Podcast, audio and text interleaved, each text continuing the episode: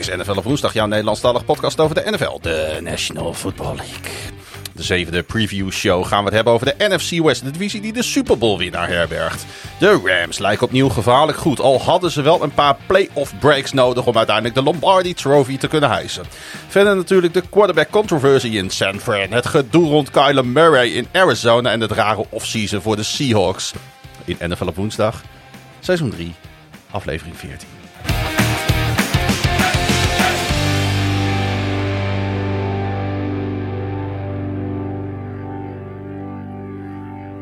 Met natuurlijk uh, in de linkerhoek uh, voor mij de, mijn gewaardeerde co-host Pieter. Hallo, daar zijn we weer. Pieter, we gaan het hebben over uh, de NFC West. ik denk voor heel veel mensen wel een intrigerende divisie, hè? Ja, ik denk dat, dat iedereen het er eigenlijk wel over eens is wie op voorhand favoriet is om vierde te eindigen in de divisie. Maar en misschien ook wel wie de derde gaat worden. Maar ik denk dat, uh, dat je best een discussie kan voeren over welk team nou het beste zou zijn uh, komend seizoen uit deze divisie. En ik denk ook dat het team dat het beste is in deze divisie waarschijnlijk ook het beste NFC-team is in de hele NFL. Dat zou inderdaad goed kunnen. zeker in de NFC kan dat maar zo. Seattle Seahawks hebben we het over. Um, met natuurlijk ja, heel veel vraagtekens, met name op, op QB. Uh, de 49ers geldt eigenlijk hetzelfde voor, alleen dan op een iets ander uh, level, iets ander niveau. Uh, de Cardinals hebben natuurlijk Kyler Murray gecontracteerd met een dik contract, gaan we het zo even over hebben. Maar daar was het ook niet helemaal koek en ei tijdens het off-season. Eigenlijk is het enige waar het steady rustig is, is Los Angeles. Hè? Ja, nou is dan, bij de Cardinals zijn denk ik de neuzen op het goede moment allemaal weer de, dezelfde kant op gekomen. Dat met, met dat contract in elk geval. Want nou, we hebben dat destijds ook besproken. Maar in het begin van het offseason uh, zaten er wat kraakjes in de, in, de, in de fundering onder dat team. En dan voornamelijk in de relatie uh, tussen de, de front office en, uh, en Kyler Murray. En misschien ook wel Kyler Murray en de, de technische kader. Maar die, uh, ja, die, die plooien zijn allemaal gladgestreken. Uh, tenminste voor, uh, voor zover wij kunnen inschatten vanuit onze zolderkamer hier in, in het Groningse stadje G. Ja, waar het nog steeds bloedheet is. ja, ik, ik, ik probeer ook te praten en dan eigenlijk alleen maar mijn, mijn mond te bewegen in de hoop dat ik dan niet ga zweten. Ja, nou ja, dan laten we dan maar zo snel mogelijk beginnen. En dat doen we natuurlijk met het team wat ja, vorig jaar als laatste is geëindigd. En dit jaar zou dat dus maar weer zo De Seattle Seahawks. En uh, laat ik beginnen te zeggen dat ik helemaal niks tegen ze heb. Pete Carroll en uh, Russell Wilson hebben de NFC van veel kleur voorzien de afgelopen 10 jaar. En uh, we hebben spectaculaire wedstrijden gezien. Prachtige playoff battles en twee mooie Super Bowls.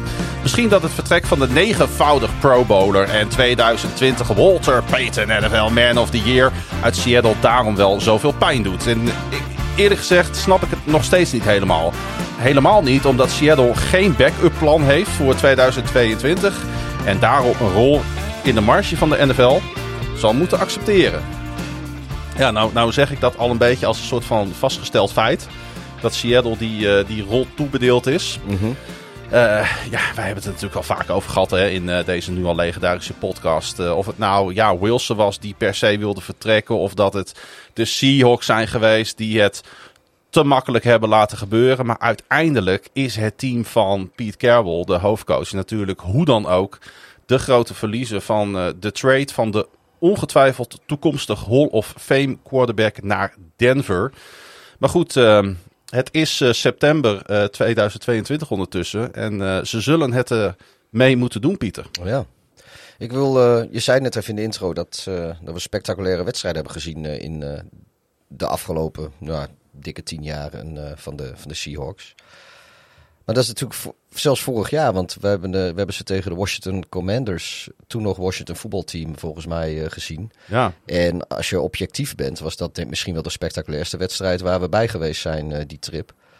Ik bedoel, ja, Bears en de Ravens op Soldier Field, dat hield qua niveau niet, niet heel veel over. Nee, en de, de, de Eh, Ravens en de Browns, was ook, niet. heel denderend. en nou ja, de Chicago en Detroit, dat was ook niet... Ook eh, niet. Het, het, het was, werd wel in de laatste seconde beslist, maar het was niet, eh, niet spannend of zo. Nee, daarom vonden wij het ook zo'n leuk toetje van onze reis Ja. eigenlijk. Hè? Want inderdaad, maar ja, daar staan de Seahawks natuurlijk wel ja. onbekend. Ja, want die wedstrijd die ik daar heb gezien in de sneeuw tegen, tegen de Bears was... was ja, kijk, spektakel, ik, ja. Ik stond er natuurlijk niet geheel objectief in. Maar dat was volgens mij ook best wel een spectaculaire wedstrijd. Zeker. Eh, dus dat, eh, dat, ja, dat, dat spektakel, dat... eh, en ook in die divisie, weet je. De, ook de, de Niners en de, en de Rams, die, die hadden daar ook nooit zomaar van gewonnen. Ook al ging het niet zo goed in, eh, in Seattle. Nee, Dus dat... eh, nee, dat, dat- is denk ik haast wel een... je kan er wel zeggen, ze hebben behoorlijk wat, wat spektakel inderdaad gebracht aan de... eh, ook aan de niet-Seahawks liefhebbende NFL-fans. nee, en met dat spektakel hebben ze ook nog eh, heel veel eh, succes. Hebben ze daar Ja. aan, aan kunnen, aan kunnen ontleden. Hè? Van 2012 tot 2020 hebben de Seahawks geen enkele keer een losing season gedraaid. En er was een spannen waarop ze, en daar was iedereen het op dat moment wel over eens, een, een dynasty franchise leken. Ja, met, met de Legion of Boom. ja. ja. En, en ik denk dat Pete Carroll ook in die jaren heeft laten zien dat hij, dat hij een coach was met nieuwe ideeën. Onconventioneel zou ik bijna willen zeggen. Maar het werkte allemaal gewoon hartstikke goed. En eh, eh, dat, eh, dat geluk hè, wat ze hebben gehad. ehm, eh, ik, heb, ik, za- ik zat na te denken of ik hier een vergelijking over kan maken.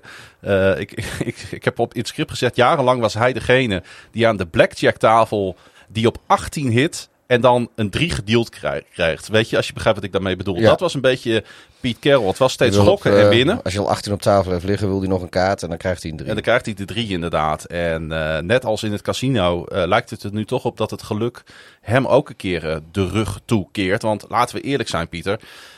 het succes van de Seahawks was natuurlijk voor een groot deel te danken aan hun franchise quarterback.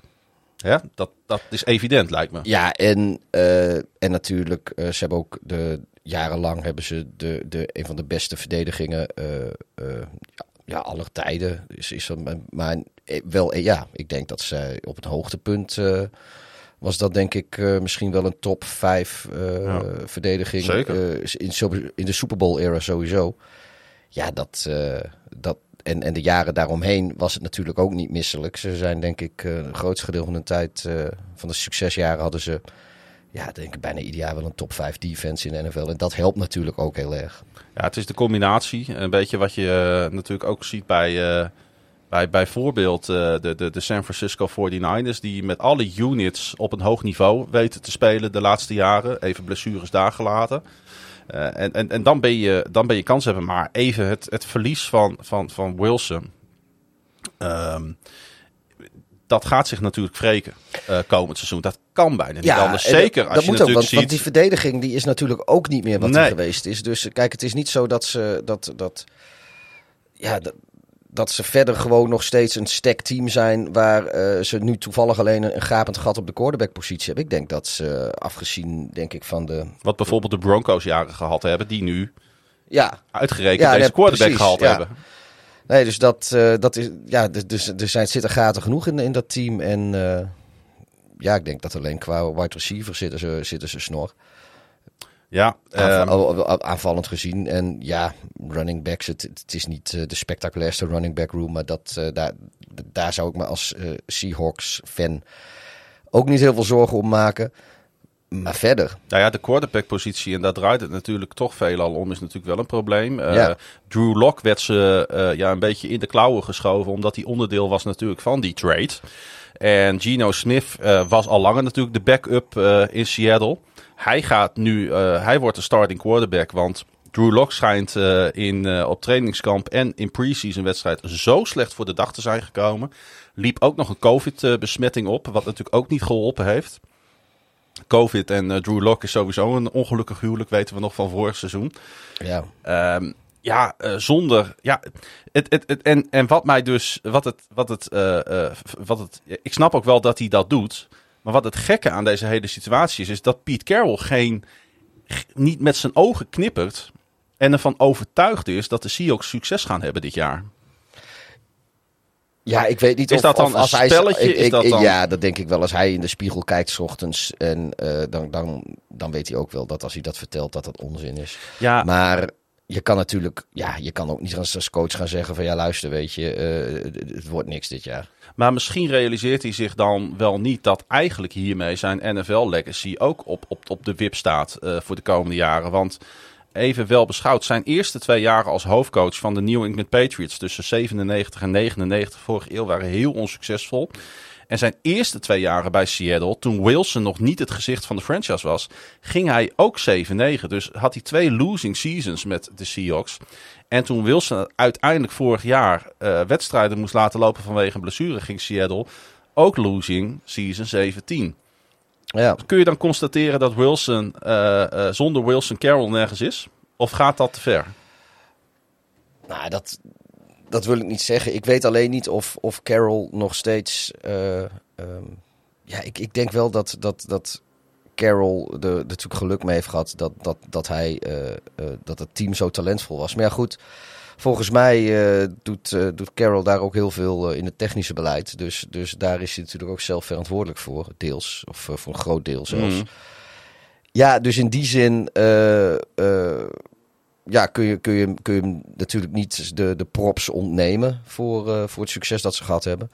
Maar het is inderdaad wel zo als je, ja, met alle respect, als je met Drew Lock en Geno Smith, eh, als dat je quarterback opties zijn, dan maakt het me eigenlijk niet zoveel uit welk team Nee. eh, je coach van bent. Want er gaat geen enkele, geen enkele coach gaat daar potten mee breken. En al helemaal niet als de rest van het team ook niet, niet heel denderend Nou ja, is. daar, daar snijd je een eh, goed punt aan. Want eh, ik heb eens even gekeken naar de O-line. Waarachter die... eh, Die is daar volgens mij nog nooit goed geweest. Ook in de tijd Nee, van Wilson niet. Nee, maar het, eh, het is nu wel heel erg. Eh, de O-line zoals die nu geprojecteerd staat, herbergt namelijk geen enkele starter.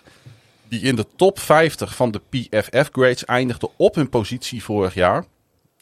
Top 50, hè? Ja. Dus dan moet je heel wat spelers eh, moet je al wegstrepen voordat je bij het niveau van de Seattle Seahawks aankomt. Ehm, en de defense presteerde natuurlijk vorig jaar gewoon ja, matig. Verloren ook nog eens eh longtime eh standout middle linebacker Bobby Wagner aan divisiegenoot LA Rams. De cornerback, DJ Reed, wat echt een goede cornerback is, die speelt dit jaar voor de New York Jets. En dan tekende edge rusher Carlos Dunlap ook nog eens in Kansas City. Fuzzy. Hij inderdaad, voor Intimi. en eh, daarmee zijn er denk ik nog veel meer gaten en vraagtekens zelfs dan vorig jaar. Ja. Dat belooft natuurlijk weinig goeds. eh. ja, Voor de mensen die eh, intimi willen worden trouwens. En zich afvragen waarom wij bij Carlos Dunlap altijd over Fozzy hebben. Die, moet je, die moeten maar het tweede seizoen van The Wire kijken. En volgens mij word je dan veel duidelijk. Was hij Dunlap. Ehm, ja, aan de andere kant eh, is het natuurlijk ook zo dat Carroll het allemaal nog nooit eerder heeft meegemaakt. Hij is met zijn 70 jaar momenteel de oudste actieve headcoach in de NFL. Heeft natuurlijk een waanzinnige staat van dienst in zowel de NFL als coach in college voor USC. Waar hij zeven op volgende Pac-10 titels won. Eh, ja, en, en, en jij zei het eigenlijk al. eh, de, de Seahawks hebben de afgelopen tien jaar natuurlijk wel vaker eh, rosters gehad met, eh, met flinke holes. Hè? Waar Carroll dan toch weer een, een winnend team van wist te maken. En die ook regelmatig in Ja. de playoffs opdoken. Ja, maar kijk, de, de, de, de, er staat natuurlijk wel de, de pijlers. En dat is dan ja, gewoon de, de defense zelf. En, en ook de quarterback-positie. Dat is denk ik. Eh, dat, dat zijn denk ik wel eigenlijk de belangrijkste eh, pijlers in een, in een team. Kijk, we hebben natuurlijk wel over. eh, ja, weet je, de, de O-line is natuurlijk ook heel belangrijk. Maar je hebt, ziet aan Russell Wilson wel dat ook met een hele matige O-line. kan hij prima presteren. En Aaron Rodgers is er ook een voorbeeld van. Die, Joe die, Burrow vorig jaar. Joe Burrow. Kijk, het, het is niet de bedoeling. Je wil natuurlijk een goede O-line Ja. hebben. Maar kijk, als jij een, een verdediging hebt die, die 30 punten per wedstrijd opgeeft met gemak. Ja, dan, dan moet je wel heel erg buiten categorie eh, quarterback hebben. Wil je dat eh, iedere week kunnen, eh, kunnen compenseren met, met nog meer punten. En ja, Wilson is natuurlijk wel inderdaad zo'n zo'n quarterback geweest die sterk was, die direct was sterk. Dus de, de holes die er in het rooster zaten, waren daardoor zeg maar eh, Mm. eh, overkomelijk. En dat is uh, ja, dit jaar niet het geval. Want juist de, de verdediging en de quarterbackpositie dat zijn nou nu net de, de, de zwakste punten, denk ik, uh, van dit team. Ja, nog eens even kijken naar wat er dan uh, wel kwam dit offseason. Naast quarterback Drew Lock kwamen tight end Noah Fent en defensive end Shelby Harris naar uh, the great state of Washington. Seattle voegde ook pass rusher Uchenna Nwozu van de Chargers en defensive tackle Quinton Jefferson van de Raiders toe aan hun front seven. En de draft begon voor de Seahawks met de komst van offensive tackle Charles Cross. Um, ja, een echte air raid tackle die moet gaan werken in natuurlijk wel wat, wat iedereen verwacht, een run-heavy offense. Um, ik snap dan ook heel erg weinig van deze draftkeuze. Maar goed, we zullen zien hoe Carroll hem gaat gebruiken. In de tweede ronde koos Seattle voor running back Kenneth Walker de third. Een typische Seahawks pick zou ik bijna willen zeggen. Um, maar toch, als je de draft en off-season bij elkaar optelt, dan geeft dit toch heel weinig mensen een goed gevoel, denk ik. Hè? Nee, ik, ik, ik denk dat uh, ongeacht welke divisie uh, de Seahawks zouden zitten, misschien met uitzondering van de, van de NFC South, uh, waren ze, zouden ze denk ik de zwakste broeder in de divisie zijn. Ik denk inderdaad, als je in de South zit, dat, nou ja, goed, Atlanta, die schat ik wel lager in. Ja. Um, maar daarna wordt het, uh, wordt het dan lastiger. Ja, ik heb, uh, ik heb totaal geen vertrouwen in, spoiler denk ik alvast, in, de, in de Giants ook dit seizoen. Dus die, ja. dat, dat, maar goed, nee, de, ik denk zelfs de, de, de, de meest, wat is het, blauw met, met, met, met gifgroen gekleurde, brildragende Seahawks-fan kan denk ik niet met ja, hooguit hoopvol, maar niet met serieuze hoge verwachtingen voorafgaand naar dit seizoen gaan zitten, denk ik. Ik, uh, ik, ik, ik benijd aan de ene kant Gino Smith niet. Aan de andere kant vind ik het eigenlijk ook wel weer heel tof voor hem. Dat hij uh, starting quarterback in de NFL wordt. Hij heeft toch een opmerkelijke loopbaan achter de rug. Ik ben daar eens even naar gaan kijken. Hij werd voor wie dat is vergeten, door de New York Jets gedraft in de tweede ronde van de 2013 NFL draft. Hij werd daar starter omdat Mark Sanchez een season-ending, uh, zeker een season-ending blessure opliep in preseason van dat jaar. Chicago Bears legende Mark Sanchez trouwens. Hè? Ja. En uh, hij gooide de Jets, misschien zijn we dat alweer bijna vergeten, dat seizoen uh, naar een 8-8 record. Uh, en toen ging Rex Ryan daar opeens hele gekke dingen doen. Ik weet niet of je dat nog kan herinneren. Die werd daar ontslagen en trok feitelijk Smith mee in zijn val. En er was altijd heel veel uh, ja, hoon over deze Smith. Maar hij is wel echt een keiharde werker. Heeft heel veel ervaring opgedaan. Bij de Giants moest hij Eli Manning opvolgen. Bij de Chargers had hij Philip Rivers voor zich. En bij Seattle natuurlijk Russell Wilson. Dus de man kan echt wel een balletje gooien. Al is zijn touchdown-interception ratio met 34 uh, eh, tegenover 37 wel een negatieve. Hij is toch ook degene wiens waar ze die. Of, of is dat Tyra Taylor, waar die ze die, ze die klaplom geprikt hebben waardoor Justin Herbert ging spelen? Ja, dat was Tyra Taylor. Tyra Taylor. Ja, ja, ik wil zeggen, ik, ik was. Ik, ja, was heel, was dat was bij de Chargers. Ja, want dat hij, hij er ook nog gezeten heeft. Maar inderdaad, uh, dat was Tyra Taylor. Ja, uh, maar ik denk wel dat ze met Gino Smith, laat ik dat dan gezegd hebben, uh, ten opzichte van Locke, denk ik dat zij daar wel de betere quarterback aan hebben in Seattle. Nou, ik denk in ieder geval dat. Ik denk dat de dalen van, van, van Gino Smith niet zo diep zijn als die van Locke. Precies. Ik weet alleen. Ja. En, en de pieken. Nou ja, ik denk niet dat Locke die, die had ook niet, ja, die deed wel eens wat dat je denkt van, nou, dat, dat, daar zit nog wel iets van talent. Ze hebben dat in Denver ook net iets te lang gedacht, volgens mij, dat, uh, dat het nog wel goed zou komen met hem.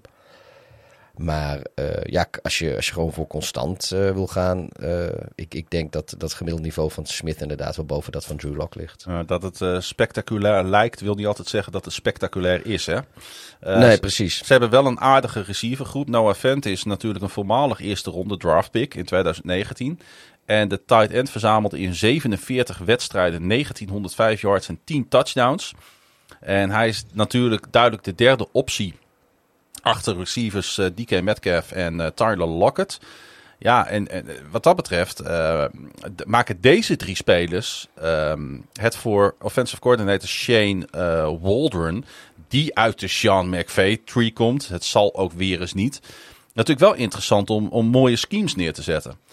Ja, moet er wel tijd komen eh, om, om, om tot ontwikkeling te komen. Ja.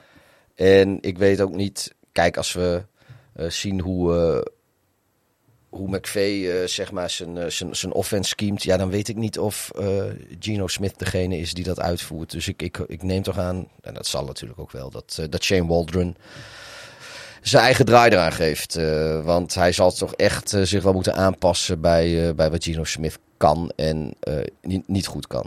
Ik bedoel meer te zeggen dat het misschien toch wel af en toe wel een klein beetje kan meevallen. Ook wat we van de Seahawks op aanval Ja, ja oh, dat sowieso. En, en kijk, Metcalf, als die, als die één op één staat, dan kunnen we gewoon een bal grofweg zijn kant op gooien. En, ja. En dan, dan, dan, ja, dan doet hij de rest wel, om het zo te zeggen. En Tyler Lockett, ja, dat is natuurlijk ook gewoon... Uh, uh, nou ja, wat ik net zei, weet je, die receivergroep van hun... Dat is, uh, daar zit het probleem echt niet. Dat is denk ik hun sterkste positiegroep. Um, dus ja, dat, dat, daar moet je je hoop inderdaad op vestigen. Ja, um, Metcalf tekende natuurlijk een driejarig contract met een waarde van 72 miljoen dollar maar liefst. Dus hij blijft gewoon in Seattle. Um, ja, en als we dan kijken naar, uh, naar, die, naar die running back room, dan, is, uh, uh, dan zal die Walker, die ze dus in de tweede ronde gedraft hebben, toch wel snel op de deur gaan kloppen. Hè? Ik hoop het wel. En dat, dat hebben ze ook nodig. Want en Rashad Penny, ik, zat hem, ik dacht ik ga hem even, mijn internet is weggevallen. Ik wil even kijken wat zijn situatie op dit moment is. Voordat ik dingen ga roepen die er niet zijn. Want uh, die heeft wel de nodige problemen gehad. Hè? Die is. Uh, uh, had hij niet vorig jaar opeens een breakout in, het, in de tweede helft van het seizoen? Ja, hij werd. maar hij, volgens mij heeft hij sowieso even een wat. wat een, een, een, een, een carrière gehad, ook weer van, van ups en downs. Want hij heeft heel veel, ja. heel veel blessureleed gekend, natuurlijk. Maar ja, als hij gewoon fit is, uh, is het gewoon een, een, meer dan uitstekende. Uh... Ja, hij, hij, hij leek heel lang, uh, vond ik, een first round bust. Maar de laatste vijf wedstrijden van het afgelopen seizoen rende hij alleen opeens voor 671 yards en 6 touchdowns. Ja. Hij noteerde daarbij 7,3 yards per carry. Nou, dat is niet misselijk. Maar ik moet wel zeggen dat dat voor mij toen volkomen uit de lucht kwam vallen. Dat hij opeens, opeens ging, ging presteren. En ik denk ook dat het uiteindelijk niet genoeg is geweest, deze stretch, om dus de Seahawks tegen te houden om voor Walker te gaan in de, in de draft. Penny krijgt trouwens wel, uh, wel een nieuw jaarcontract met een waarde van 6 miljoen dollar. Ja. Uh, ja, en alles bij elkaar opgeteld en afgetrokken, denk ik dat, uh, dat het een heel lastig jaar wordt uh, voor Seattle. Nou, daar zijn we het ondertussen denk ik allebei ja. wel over eens. Um, wat jij zei, de OC zal de schemes moeten omgooien. De running game zal de aanval echt moeten gaan dragen. Ja, en ja, nou, kijk, het hangt inderdaad wel een beetje af van, van wat voor seizoen Penny gaat hebben. Um, ja, zijn, hij is ooit in de eerste ronde zelfs gepikt volgens mij. Het was een, uh... Zeker. Ja, ja. Ik zei net dat hij, uh, dat hij heel lang een first round bast. Uh, oh ja, ja. Nou ja, goed. Dat, dat, nou ja, ik vind sowieso uh, running backs in de eerste ronde. dat, dat moet je alleen maar doen als het talent echt heel zeldzaam is. Weet ja. je, ik noem een Saquon Barkley bijvoorbeeld. Of Ezekiel Elliott, McCaffrey. Maar ja, dat, Penny is dat wat mij betreft ook nooit geweest. dus in die zin, ja hij is als running back misschien geen bast, maar je hebt inderdaad gelijk. First round bast uh, kun je het wel noemen, maar dat is niet zozeer zijn schuld, maar dat is vooral uh, op het konto van de Seahawks dat hij uh, dat die een, een, een, wel een goede, maar toch ook wel een vervangbare running back in de eerste ronde ja. gedraft hebben. Dat, dat is nooit verstandig, vind ik. het, is, het is geen fantasy voetbal. En als we dan moeten gaan voorspellen, ehm, laat ik beginnen met dit team. omdat ik de NFC niet zo heel sterk vind. Um, en ik denk dat juist in de divisie ze of tegen de 49ers of tegen de Cardinals uh, misschien uh, met name in eigen huis toch wel een verrassingje kunnen pakken. Zet ik ze toch op zeven overwinningen voor dit seizoen. Zeven overwinningen. Dat is volgens mij ook uh, een beetje de kant. er zijn volgens mij maar twee teams waar, er minder, waar ze minder overwinningen aan willen geven. Dat is volgens mij dat Atlanta en ik weet eigenlijk niet meer wie dat andere team is. Ja, dat zal Houston zijn. Maar dat is natuurlijk een uh, AFC-team. Wil je een NFC? Ehm, ja, of misschien ook wel overall hoor. Dat zij de minste. Even kijken. Maar goed, hoe dan ook. ehm, ehm, zij gaan geen winning record natuurlijk pakken. Zeker niet in het nieuwe, in het nieuwe systeem met, eh, met een wedstrijd extra. Dus ik zet ze op, eh, op een 7. Wat is het dan? Een 7-10 eh record neer. Ja, ik. eh, ik denk dat ze, dat ze niet verder komen dan vijf overwinningen. Dus Dat, dat, wordt eh, eh, 5-11. Eh, Sorry, 5-12 dan. bij deze. Ja, met het nieuws dat Jimmy G eh, voor die Niner blijft, verandert eh, deze preview ook. Of niet? Ja, daar moeten we proberen achter te komen. Mijn persoonlijke mening is dat de 49ers sowieso nog een jaar door hadden moeten gaan met de quarterback die ze in de afgelopen jaren twee keer naar de Conference Championship gooiden. Eh, toch eh, kwam het nieuws eh, dat de Niners voor Trey Lance gingen. En toen kwam ook dat andere nieuws. Ja, ik dacht heel even, Pieter, dat de 49ers all in gingen op Lance. Dat dachten we denk ik allemaal wel. Zijn ze er ook gegaan, alleen al het feit hoeveel draftkapitaal ze opgegeven hebben om het te pakken. En eh, nou, hij gaat ook gewoon starten, toch? Ja, j- ja en nee. Eh, want ik heb toch het idee dat er heel veel twijfel is over deze jongen. Ik kan me anders niet voorstellen waarom ze eh, Jimmy G een nieuw contract hebben gekregen. Nou, omdat hij nu een stuk goedkoper is. Eh, dat is waar. En hij zat natuurlijk... Kijk, hij wilde... Dus jouw conclusie is niet van deze hele situatie dat er zorgen over Lance zijn. Dat kan. Nou, ik. Het, ik van mij. Ja, nee, ik, ik weet niet of dat zo is. Ik denk dat ze, dat ze echt wel vertrouwen hebben in Lance. Maar eh, ik denk dat de teams waar eh, die interesse hadden in de diensten van Jimmy G. dat dat teams waren waar Jimmy G niet naartoe getraind wilde worden. En. eh, Waar die waarschijnlijk ook niet nog even gegarandeerd 6,5 miljoen dollar kon pakken. nou ja, Dat zal ook meegespeeld hebben. ik denk dat, weet je, ik, ik denk dat, dat hij, dus Garoppolo, dat hij, eh nou wat ik zeg, de teams waar hij eventueel naartoe zou kunnen gaan, dat, eh, dat waren teams waar hij niet heen wilde. Maar hij zit natuurlijk in San Francisco wel gewoon bij een contender. En eh, ik denk dat, eh, dat het misschien eh, wel aan Jimmy G zelf is, die misschien niet het alle vertrouwen heeft in Trey Lance. En eh, dat hij denkt dat hij misschien die, eh, die startersplek alsnog wel weer terug kan krijgen. En eh, nou, een beetje geld inleveren. En je zit gewoon bij een contender. En hij zal in zijn hoofd zal hij nog zoiets hebben. Van, ja, wie weet eh, kom ik nog aan starten toe en eh, Ja. Eh, doe ik nog wat leuke, leuke sportieve dingen in mijn carrière. Toch blijft het natuurlijk een bijzonder verhaal. Afgelopen maart onderging Garoppolo een schouderoperatie. En ik ben er eigenlijk wel van overtuigd dat dat een eh, transfer ook op dat moment tegengehouden heeft. Zonder die operatie was Jimmy G denk ik geen quarterback in eh, San Francisco meer geweest. Maar ja, hij was tijdens dit offseason eh gewoon een te groot risico denk ik voor teams sowieso om binnen te halen. En dus veranderde natuurlijk het hele narratief rond deze quarterback. Ehm, en ik denk ook dat de oorspronkelijke uitgangspositie eh, van de Niners dit seizoen is geweest dat ze zouden gaan starten met een quarterback room met Lance, eh, Nate en die Brock Purdy. Maar eh, hoe langer het natuurlijk duurde voordat Garoppolo wegging en hoe sneller het seizoen naderde, denk ik ook dat Shanahan en Lynch elkaar eens even diep in de ogen hebben aangekeken. En toch tot de conclusie zijn gekomen dat ze gewoon wel heel veel van deze quarterback houden. En heel veel vertrouwen. Oh, misschien hebben ze en in Lance vertrouwen. Maar ze zullen toch ook heel veel vertrouwen in Jimmy G hebben.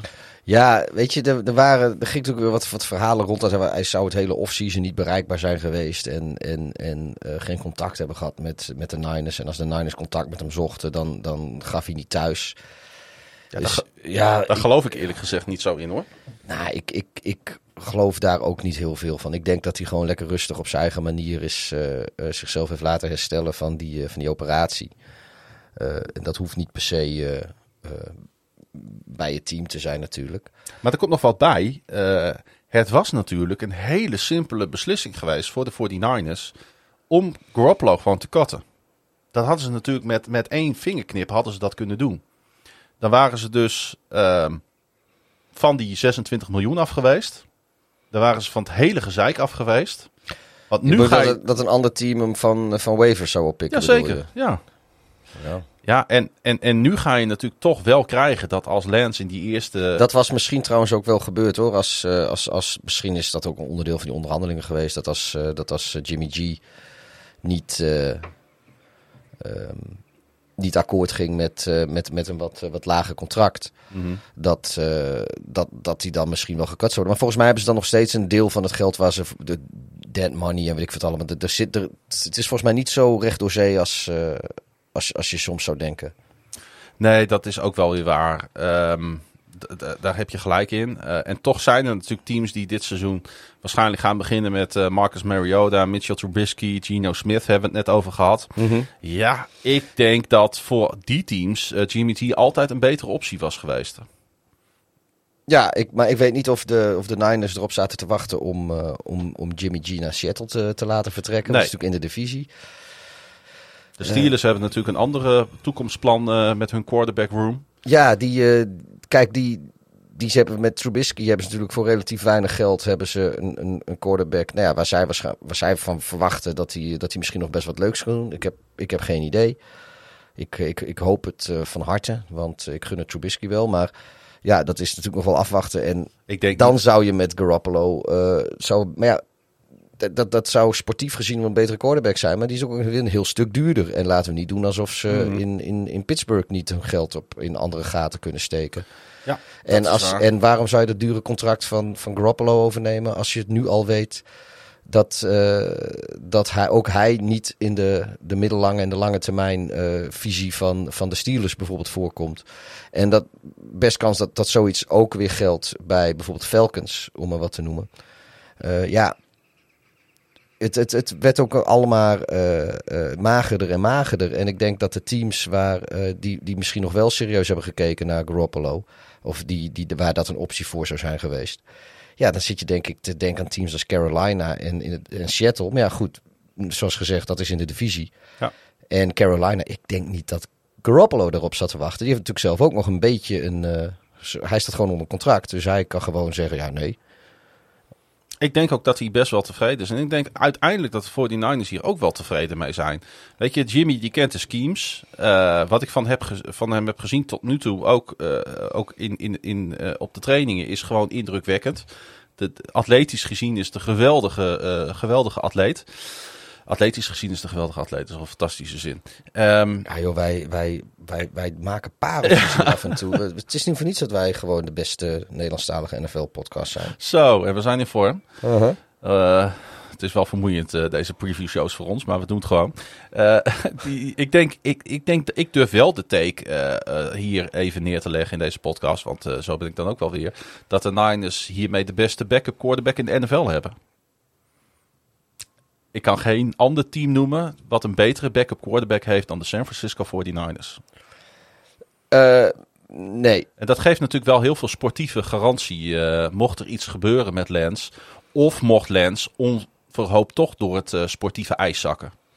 Ja, ik denk dat ja, het enige waar je, waar je op moet hopen is... Want ja, goed, dat, dat heb ik al heel vaak gezegd in de, in de voorgaande jaren ook al van deze podcast. Hij moet wel fit blijven, die, eh, die Garoppolo. Want dat is natuurlijk altijd zijn manco geweest. Ja. Dat, volgens mij heeft hij nog nooit een heel seizoen gespeeld. Eh, ik moet wel zeggen dat deze hele quarterback weirdness, zeg maar, eh, gebeurt bovenop een roster wat denk ik Super Bowl potentieel heeft. Ja, ja, dat, dat, ja daar hoeven, die, die defense van hun, dat is denk ik een, een, en ook gewoon top 5, misschien wel een top 3 defense in de Ja. NFL.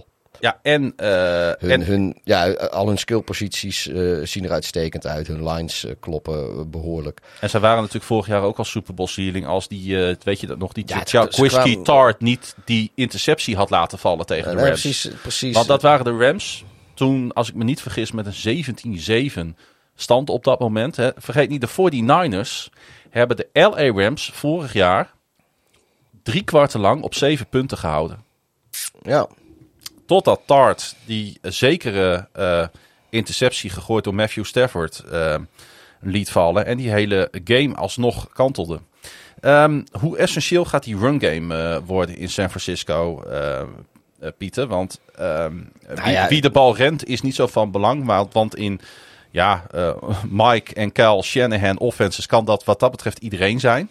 ja, en dan is, kijk, met Trey Lance, eh, wat ik er tot nu toe van gezien heb. En ook natuurlijk hoe, die, eh, hoe de verwachtingen zijn. Kijk, die zal zelf ook op de nodige momenten zal hij designed run plays hebben. Ja. En Debo Samuel is natuurlijk ook weer iemand die je ook best eh, achter of, of heel dicht bij de line of scrimmage eh, die bal eh, kan geven. En dan is het eigenlijk ook haast gewoon een running back. Ja, alleen was hij natuurlijk tijdens het offseason een beetje boos. ja, hij staat gewoon nog op het roster natuurlijk voor de goede orde. Maar hij heeft wel gezegd: ik wil minder die hybride eh, speler zijn die jullie in mij zien. ja, maar dat is natuurlijk niet goed voor de lengte van je carrière. Nee, nee, en daar heeft hij natuurlijk ook wel een punt. Ja. Lijkt, lijkt mij in ieder geval. Ehm, ja, Debo Samuel, eh, natuurlijk een van de, van de sterren van het afgelopen jaar. Eh, je zegt terecht, de defense behoort tot de betere in de league. En er is gewoon wat dat betreft heel weinig eh, waar je kritiek op kan hebben hè, bij, de, bij de Niners op dit moment. Ja, ik denk als we de, de, de podcast kort willen maken, dan moeten we de zwakke punten van de Niners gaan benoemen. Ja, ja inderdaad. De enige vraag is natuurlijk of Trey Lance die upside heeft. Ja, dat is natuurlijk de, het grote vraag. Dat is het vraagteken. Dat maakt het ook wel weer heel spannend natuurlijk. Eh, hij heeft in ieder geval geweldige playmakers tot zijn beschikking. Eh, Samuel eh, hebben we net genoemd. Brandon Ayuk. Geweldige speler. Tight end George Kittle. Laten we hem ook niet vergeten in deze offense. Hij heeft een hele belangrijke rol. Maar Lance is natuurlijk wel een iets andere speler dan Garoppolo. Dus die, die schemes zullen wel een klein beetje aangepast worden.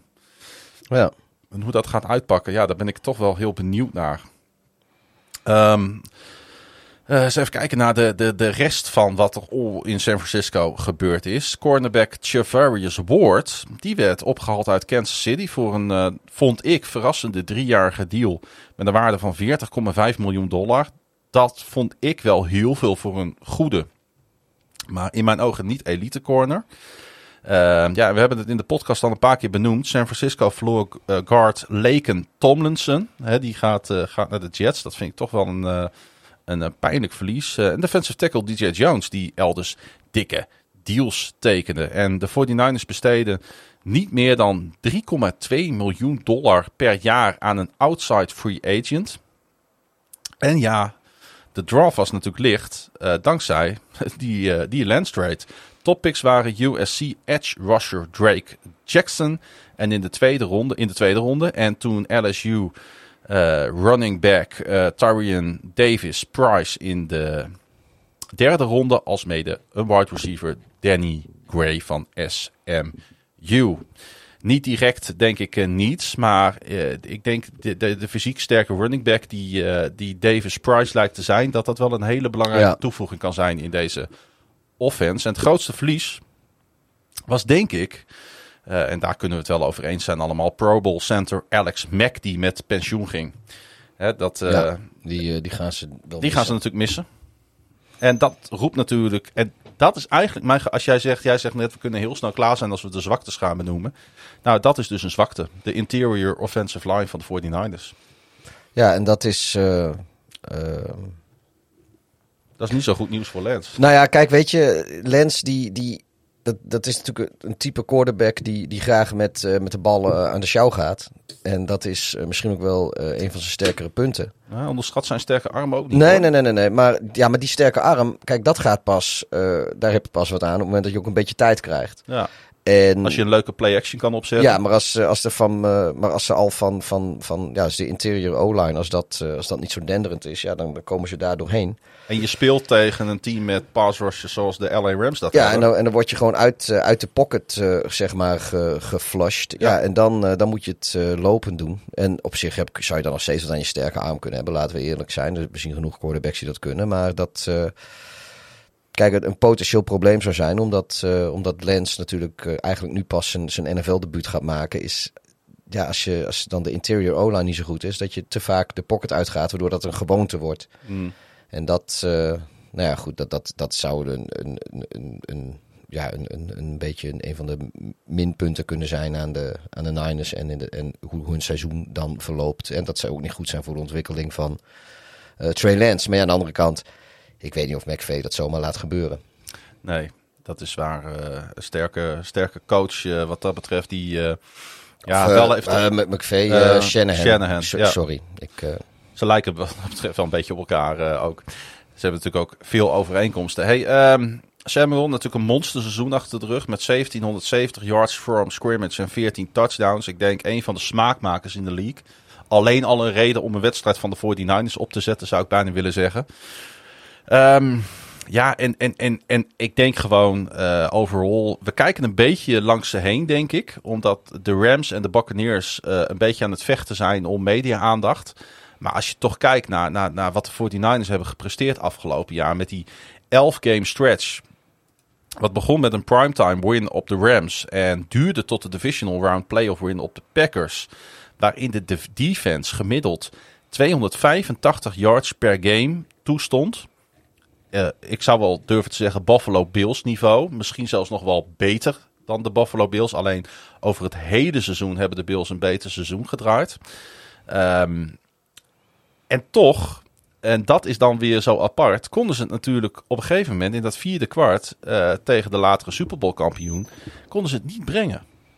Dat is to toch raar is dat af en toe om te zien dat, dat de Patriots hadden dat ook. Weet je, geweldig in het reguliere seizoen gespeeld. En in de playoff wedstrijd totaal niet thuisgeven. Ja, dat, dat, ik denk natuurlijk dat heeft ook te maken met, uh, met de Rams. Die, uh, dat, kijk, die hebben, dat is ook het team wat, wat zeg maar op het laatste van de wedstrijd nog even op kan staan. Om, om dat deze in de Super Bowl natuurlijk eigenlijk ook een ja, beetje. Dat, dat deden ze uiteindelijk en, ook tegen de Buccaneers. Dat heb, precies, dat ja. tegen de Buccaneers hebben ze ook gedaan. En dat, ja, weet je, zij zijn wel zo'n team die. Uh, ja, die, die, die Z blijven zijn, gewoon. zijn hele, net Duitsers, zeg maar. Ja, het zijn, ja als je, zolang je die in de. Die moet je echt helemaal uit de wedstrijd gooien. In, uh, zolang je beter bent. Want als je ze gewoon laat, uh, aan laat haken, zeg maar. Of, of bij in de buurt houdt, dan. Uh, vliegen ze in het vierde kwart wel over je heen. Ook omdat ze natuurlijk... Ja, zij hebben een geweldige pass rush. Dan gaat die, je, je O-line, die wordt wel steeds vermoeider. Ja. En uh, ja, zij, daar, daar hebben, hebben zij veel diepte. Dus ik denk dat dat er ook wel mee te maken heeft. Hoor. De diepte van, van het Rams-team van vorig jaar op, op cruciale posities. En de veelzijdigheid, die, die laten dan zo'n wedstrijd een beetje zo lijken. Um, bij, bij de Rams dat je ook zoveel spelers die achter de quarterback aan kunnen gaan. Dat je hoeft niet iedere play Aaron Donald te sturen. Dat kun je gewoon. Um, ja, dat, dat kun, je, die kun je een beetje doseren.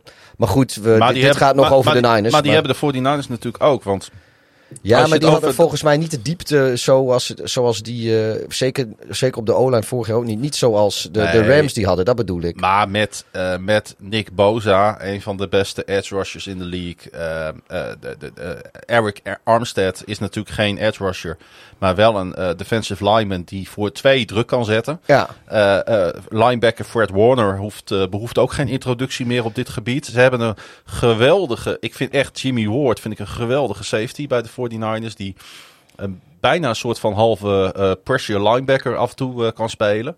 Ja, dit, dit, dit, dit team heeft zoveel uh, sterspelers, ook op defense. Nou, dan keert hun coördinator, de Mika Ryans, ook nog terug. Wat ik heel belangrijk vind voor de stabiliteit van het team. Hij, zou, hij had headcoach kunnen worden. Maar hij heeft ervoor gekozen om terug te komen en uh, nog een jaartje te, te, te, te OC'en in, uh, in San Francisco. Ja, ik, twijfel er niet aan dat deze 49ers defense gewoon inderdaad een top 5 defense wordt komend jaar. Ja, dat, dat denk ik ook wel. Hey, uh, afrondend Pieter, uh, denk ik dat we wel kunnen stellen dat de 49ers loaded zijn. Trent Williams is misschien wel de beste tackle in de league. Uh, misschien wel een van de beste ooit. George Kittle, Brandon Ayuk, Debo Samuel, geweldige playmakers in de passing game. Ik kijk enorm uit naar die combinatie op running back tussen Elijah Mitchell en die, en die rookie Davis Price. Defense hebben we het net over gehad. De quarterback situatie is natuurlijk nog steeds het grote vraagteken. Lens kan een breakout season hebben. Ja, uh, en als dat niet zo is, dan hebben ze Garoppolo als plan B. Ja. Dus eigenlijk kan het niet misgaan, zou je bijna zeggen, voor de 49ers. Ik denk in deze NFC dat zij de playoffs ook niet gaan mislopen. Alleen de grote vraag is natuurlijk wel, kunnen ze de, de, de Rams bedreigen voor de nummer 1 positie in de league? Want als er toch één team is in deze divisie, dan zijn zij het wel, hè? Ja, nou, zoals uh, ik wel vaker heb gezegd, als ik hier voorspel, dan ga ik ervan uit dat iedereen uh, die op het moment van voorspellen fit is, fit blijft. Um, en dan denk ik dat uh, ze aan het eind van het seizoen zouden ze maar zo een bedreiging voor de Rams kunnen zijn. Maar omdat uh, ze met Trey Lance beginnen en ja, ik denk toch echt... Ze, beginnen niet het allermoeilijkste. At Chicago, dan thuis tegen Seattle. Nou, dat, dat, dat is, zijn, is dan niet de lastigste teams op papier. Dan moeten ze naar Denver. Maar dan komen, komen de Rams al op bezoek. En dan Carolina, Atlanta. Dus Daar liggen wel mogelijkheden. Daar liggen wel mogelijkheden. Maar Ja. ik denk eigenlijk ook juist dat eh, dat zijn nou net wel wedstrijden die Trey Lance misschien. eh, weet je, je, je kan zomaar in één keer eh, in Chicago of, of van Seattle verliezen of van Baker Mayfield. Ik, ik, zie dat, ik zie ze dat niet allemaal zomaar winnen. Maar dan zie jij, wij kijken allebei veel naar de networks. Dan gaat de media gaat, gaat vol op de Garoppolo eh, wagen natuurlijk. Ja, nou, dat, dat, het hangt natuurlijk vanaf. Kijk, het is niet erg als je. Potentieel ligt daar wel een, een, een controversie natuurlijk. Ja, Het kan, het kan hun sterkte zijn, maar het kan ook hun zwakte blijken Ik weet zijn. niet of, of San Francisco de stad is waar de backup quarterback de populairste speler is. Dat eh, zulke steden zijn er wel in de NFL. Ik, ik weet niet of dat daar zo is. In, in, in San Francisco weten mensen wie Jimmy Garoppolo is. Ja. En eh in denk dat ze in San Francisco de meeste mensen ook wel weten dat als je ondanks de heel veel goede dingen die hij gedaan heeft, dat, dat als ze echt die, die volgende stap toch wilden maken, dat, dat, dat ze misschien toch verder moesten kijken dan Jimmy G. En ze hebben natuurlijk Dat hebben ze ook eh, gedaan. Ik En denk- ze hebben een rookie quarterback deal nodig ook om de rest van het roster overeind te houden de komende jaren. Ja, eh, en daar komt bij, eh, of tenminste, ik, als, als het met Trey Lance niet zou lukken, dan denk ik dat het voornamelijk eh, de, de organisatie is die de, die de drek over zich heen krijgt. Eh, en misschien niet, niet Trey Lance zelf. Nou zal hij dat misschien dan niet zo ervaren, maar goed. Ja, maar eh, om een heel lang verhaal iets minder lang te maken. Ik denk dat ze dus her en der nog wel een wedstrijd laten liggen. Die ze, omdat Trey Lance nog wat ervaring moet opdoen, die, wat hij nu nog ontbeert. Eh, maar aan het eind van het seizoen hebben ze denk ik wel gewoon tien wedstrijden gewonnen. Ja, ik schal ze eh, nog wat hoger in. Ik ga ze op 12 overwinningen zetten. Ondanks dat ik grote vraagtekens heb bij Trey Lance en hoe dat gaat uitpakken. Eh, ik heb zoveel vertrouwen in deze coachingstaf. Ik heb zoveel vertrouwen in deze defense. Want die defense gaat ervoor zorgen, denk ik, dat Trey Lance tot wasdom kan komen. En dan heeft hij ook nog eens een van de beste receiving corps tot zijn beschikking. Misschien wel op dit moment de beste tight end in de league. Eh, er zijn gewoon geen redenen om, eh, om negatief te zijn. Als Trey Lance de real deal blijkt te zijn, dan kan hier een dynasty franchise geboren zijn dit seizoen. Ja, nou dat, dat, dat denk ik wel zeker. Maar ik, ik, ik, ga, ik, ik geloof gewoon niet dat, dat het inpassen van, eh, van Trey Lance in de NFL zonder slag of stoot gaat. Dus ja, wat ik zeg, ik zie ze een aantal wedstrijden die, die, die ze gaan verliezen. Ja. Vanwege, de- en er zijn natuurlijk ook nog een aantal wedstrijden die ze verliezen simpelweg omdat de, de tegenstander misschien eh, eh, gelijkwaardig of beter is. Nou, dan kan ook, kijk, als ze bijvoorbeeld tegen de Chiefs spelen. Ja, dat is, eh, weet ik veel, 23 oktober. Ik weet niet zo uit mijn hoofd niet welke week dat is. Maar laten we dat ergens week 12 noemen of zoiets zit je dan. Week Nee, 13. minder. Maar dat maakt niet uit. Maar goed, We beginnen pas, pas, pas midden september een beetje. oh ja. Dus dat is week 7, denk ik.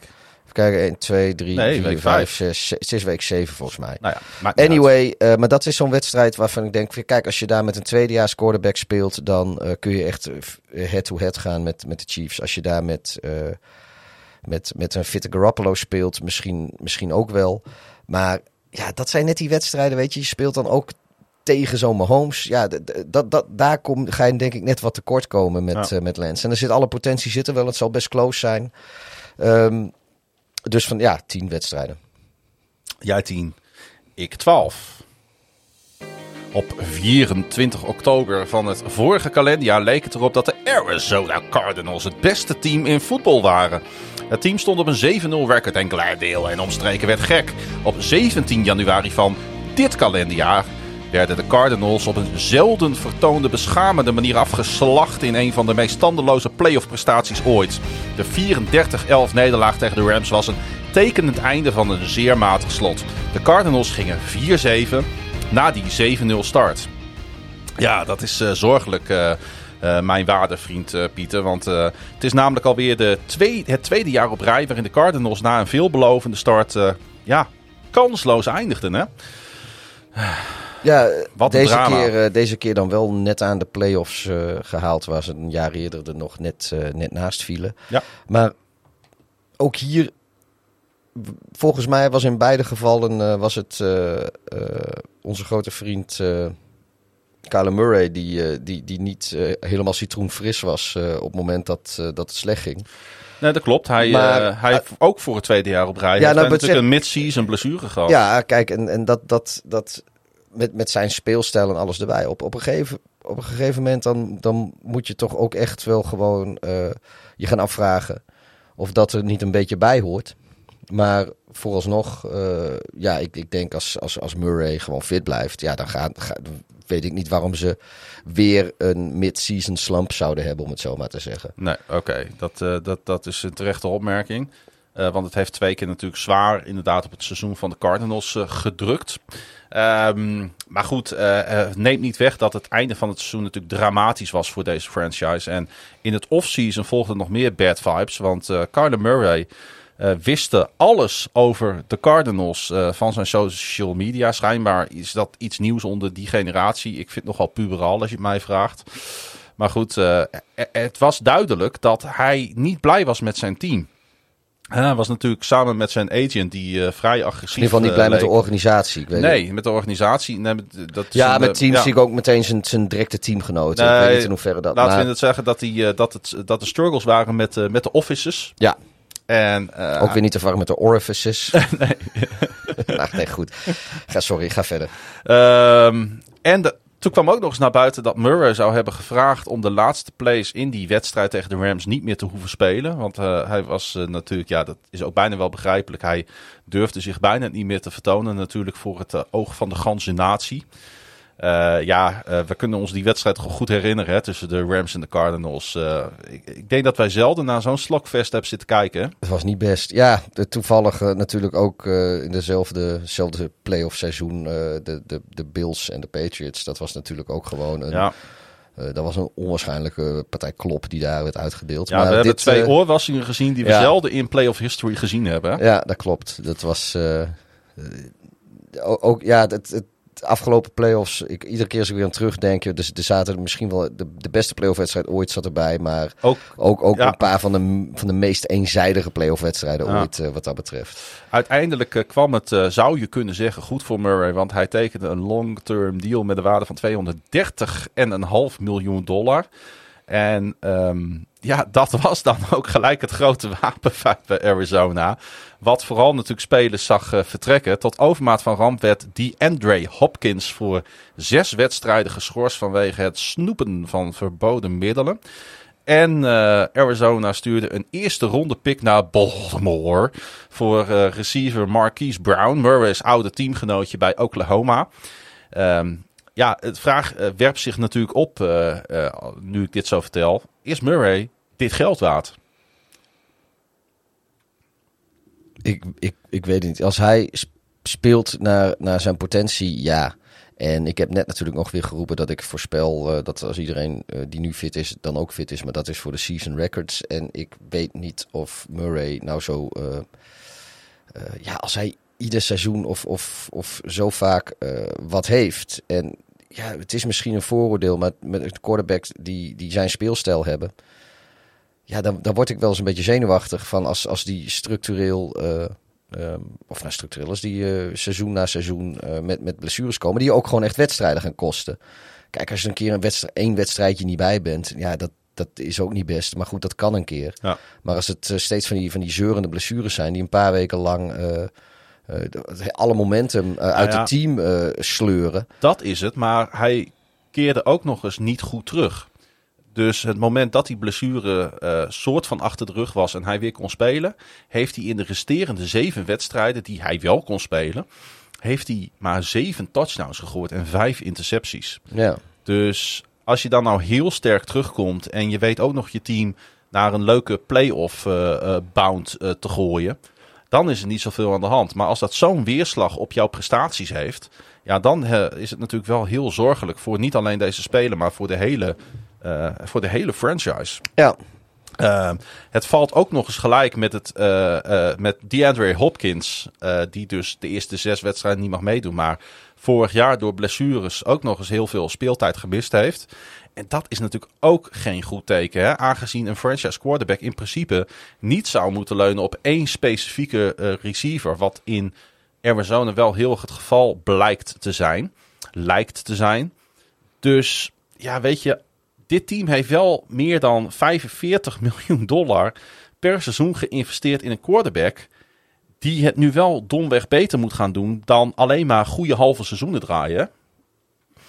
Denk dat dat Ja. wel een beetje de samenvatting is van waar we eh, tegenaan lopen met, eh, met Murray en de Cardinals. En je zit ook in een divisie waar je gewoon ook niet kan permitteren om, Nee. eh, om, om, om een wedstrijdje te laten schieten of, of een- en niet alles te winnen wat je winnen kan. Kijk, er zijn divisies waar je, waar je, ja, waar je nog steeds kampioen kan worden of in ieder geval de play-offs kan halen als je, als je één of twee wedstrijden te veel verliest. Maar dat is hier denk ik niet het geval. Nee, dat weet ik wel zeker. Ehm, dus je zou eigenlijk wel kunnen stellen dat de Cardinals zich best wel op een gevaarlijk punt op dit moment bevinden. Hè? Want, want eh, en dat geldt natuurlijk ook voor Cliff Kingsbury, de coach. Van wie is hij nou? Is hij nou de coach die Arizona naar een 7-0 start leidde? Of is hij de coach die zeven van de laatste elf wedstrijden verloor?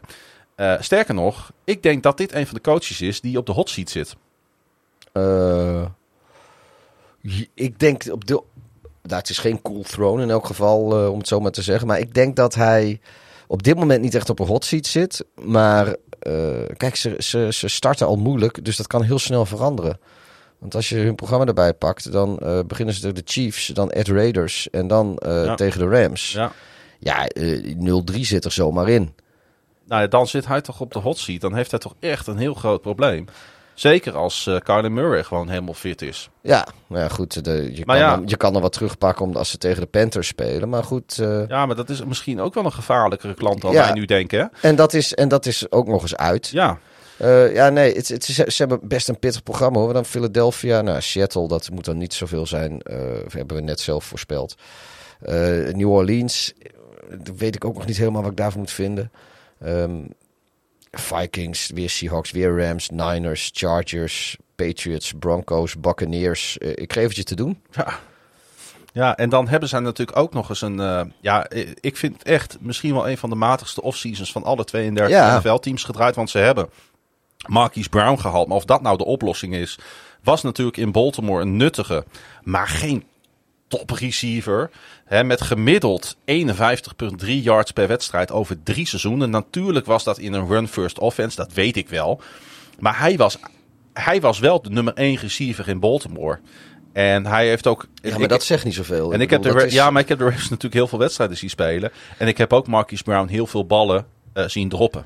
Ja. Dus eh, het is interessanter in deze om te kijken naar wat hij niet gevangen heeft dan naar wat Nou ja, hij wel bedoel ik. Het gevangen is, heeft. als je de beste receiver in Baltimore bent, dat maak je nog niet een, een, een top receiver in Nee, de NFL. Dat, dat is wat is ik, dat, dat is wat ik bedoel te zeggen. Ja, en, en ik ook. Dus we zijn het eh, helemaal eens, Pieter. Dat is ook wel eens fijn. Eh, het zou kunnen hè, dat de skills van Brown beter passen bij Murray. Maar ik vond het toch een beetje een soort van desperate move van de Cardinals om ja, deze om hier een eerste ronde pick voor op te geven. Die ze heel goed hadden kunnen gebruiken. En ook denk ik een fantastische eh, talent eh, eh, uit die wide receiver klas die we dit jaar hebben gezien in de draft op te pikken. Ik denk dat dat een betere optie was geweest voor, voor dit team. Ik heb, ik heb het idee dat ze dit hebben gedaan om Murray gewoon een beetje tevreden te houden. Om te laten zien aan Murray van moet je kijken, we halen jouw college maatje van Oklahoma, halen Mhm. wij voor jou. Daar geven wij onze eerste ronde pick voor op om jou hè, een, een echt wapen op offense Ja. bij te geven. Nee, ik Of zit, dat nou eh, een juiste strategie is? Nee, en hoe, hoe langer ik er naar kijk en hoe. Ik, ik, ik, ik, ik denk dat ze de, de afslag gemist hebben eh, in Arizona. De, de afslag naar het succes, Ja. zeg maar. Dat denk ik ook. Want kijk eens even naar wat er weg is gegaan. In free agency verloren ze Cardinals, ver- verloren ze receiver Christian Kirk. Dat, eh, nee, ja, daar wordt, er wordt heel veel lacherig over Ah, Christian Kirk. dat, was een hele nuttige dat was een, receiver pri- was daar. een prima receiver. Ja. Het is alleen, kijk, natuurlijk ga je hem niet... eh, eh, ja, kijk, eh hey, ere wie ere toekomt. Die Christian Kirk die en zijn agents, die hebben, hebben dat briljant gedaan. Maar eh, ja, dat, als, als de Cardinals dat hadden gedaan, dan hadden, hadden we ook daar weer om gelachen. Dat is misschien waar, maar belangrijker. eh pass rusher Chandler Jones is weg. Running back Chase Edmonds is weg. Linebacker Jordan Hicks is weg. Defensive lineman Jordan Phillip is weg.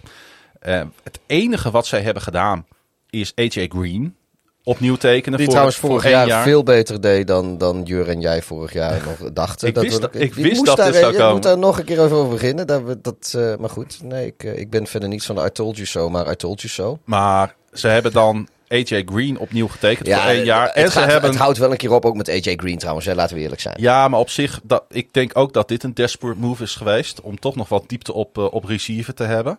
En ze hebben hun linebacker, Nick Vigil, hebben ze voor één jaar bijgetekend.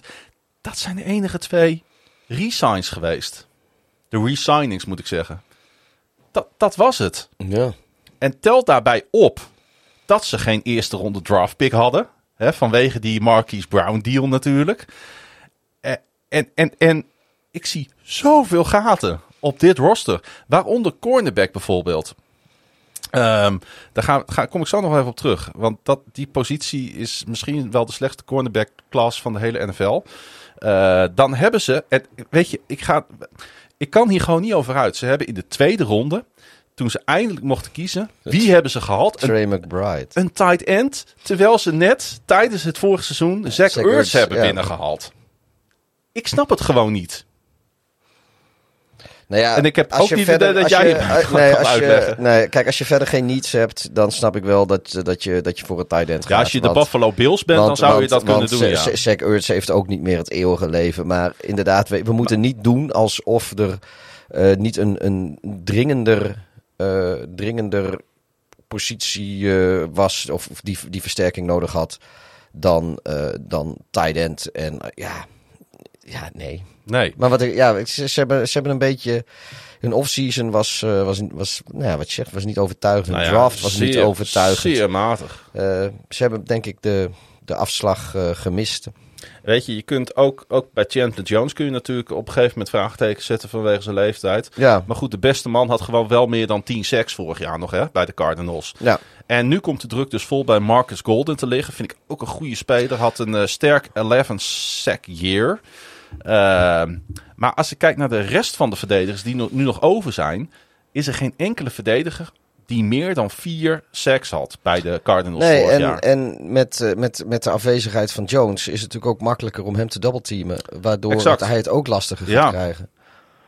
Ja, en dan eh, eh, wat ik zei, die cornerback class. Ehm, ik zag ook nog, het is ook nog weer zoiets. Eh, een paar dagen geleden zag ik een nieuwsbericht dat hun number two corner Antonio Hamilton eh, op de reserve non-football list is gezet vanwege een ernstig kookincident. Dus die jongen die is thuis gaan koken en die. Oh, is ik dacht, iets, oh eh, ik, dacht, ik dacht cocaïne, maar hij Nee. was gewoon aan het koken. En, Ja. en zeg maar een beetje net als in de Euroborg, zondag, vlammetje in de pan. K-O-O-K. Kook. Koken. Ja, Ja, dat is trouwens wel grappig om even te, te, te vermelden. Wij stonden afgelopen zondag bij de geweldige eredivisiewedstrijd tussen FC Groningen en Vitesse.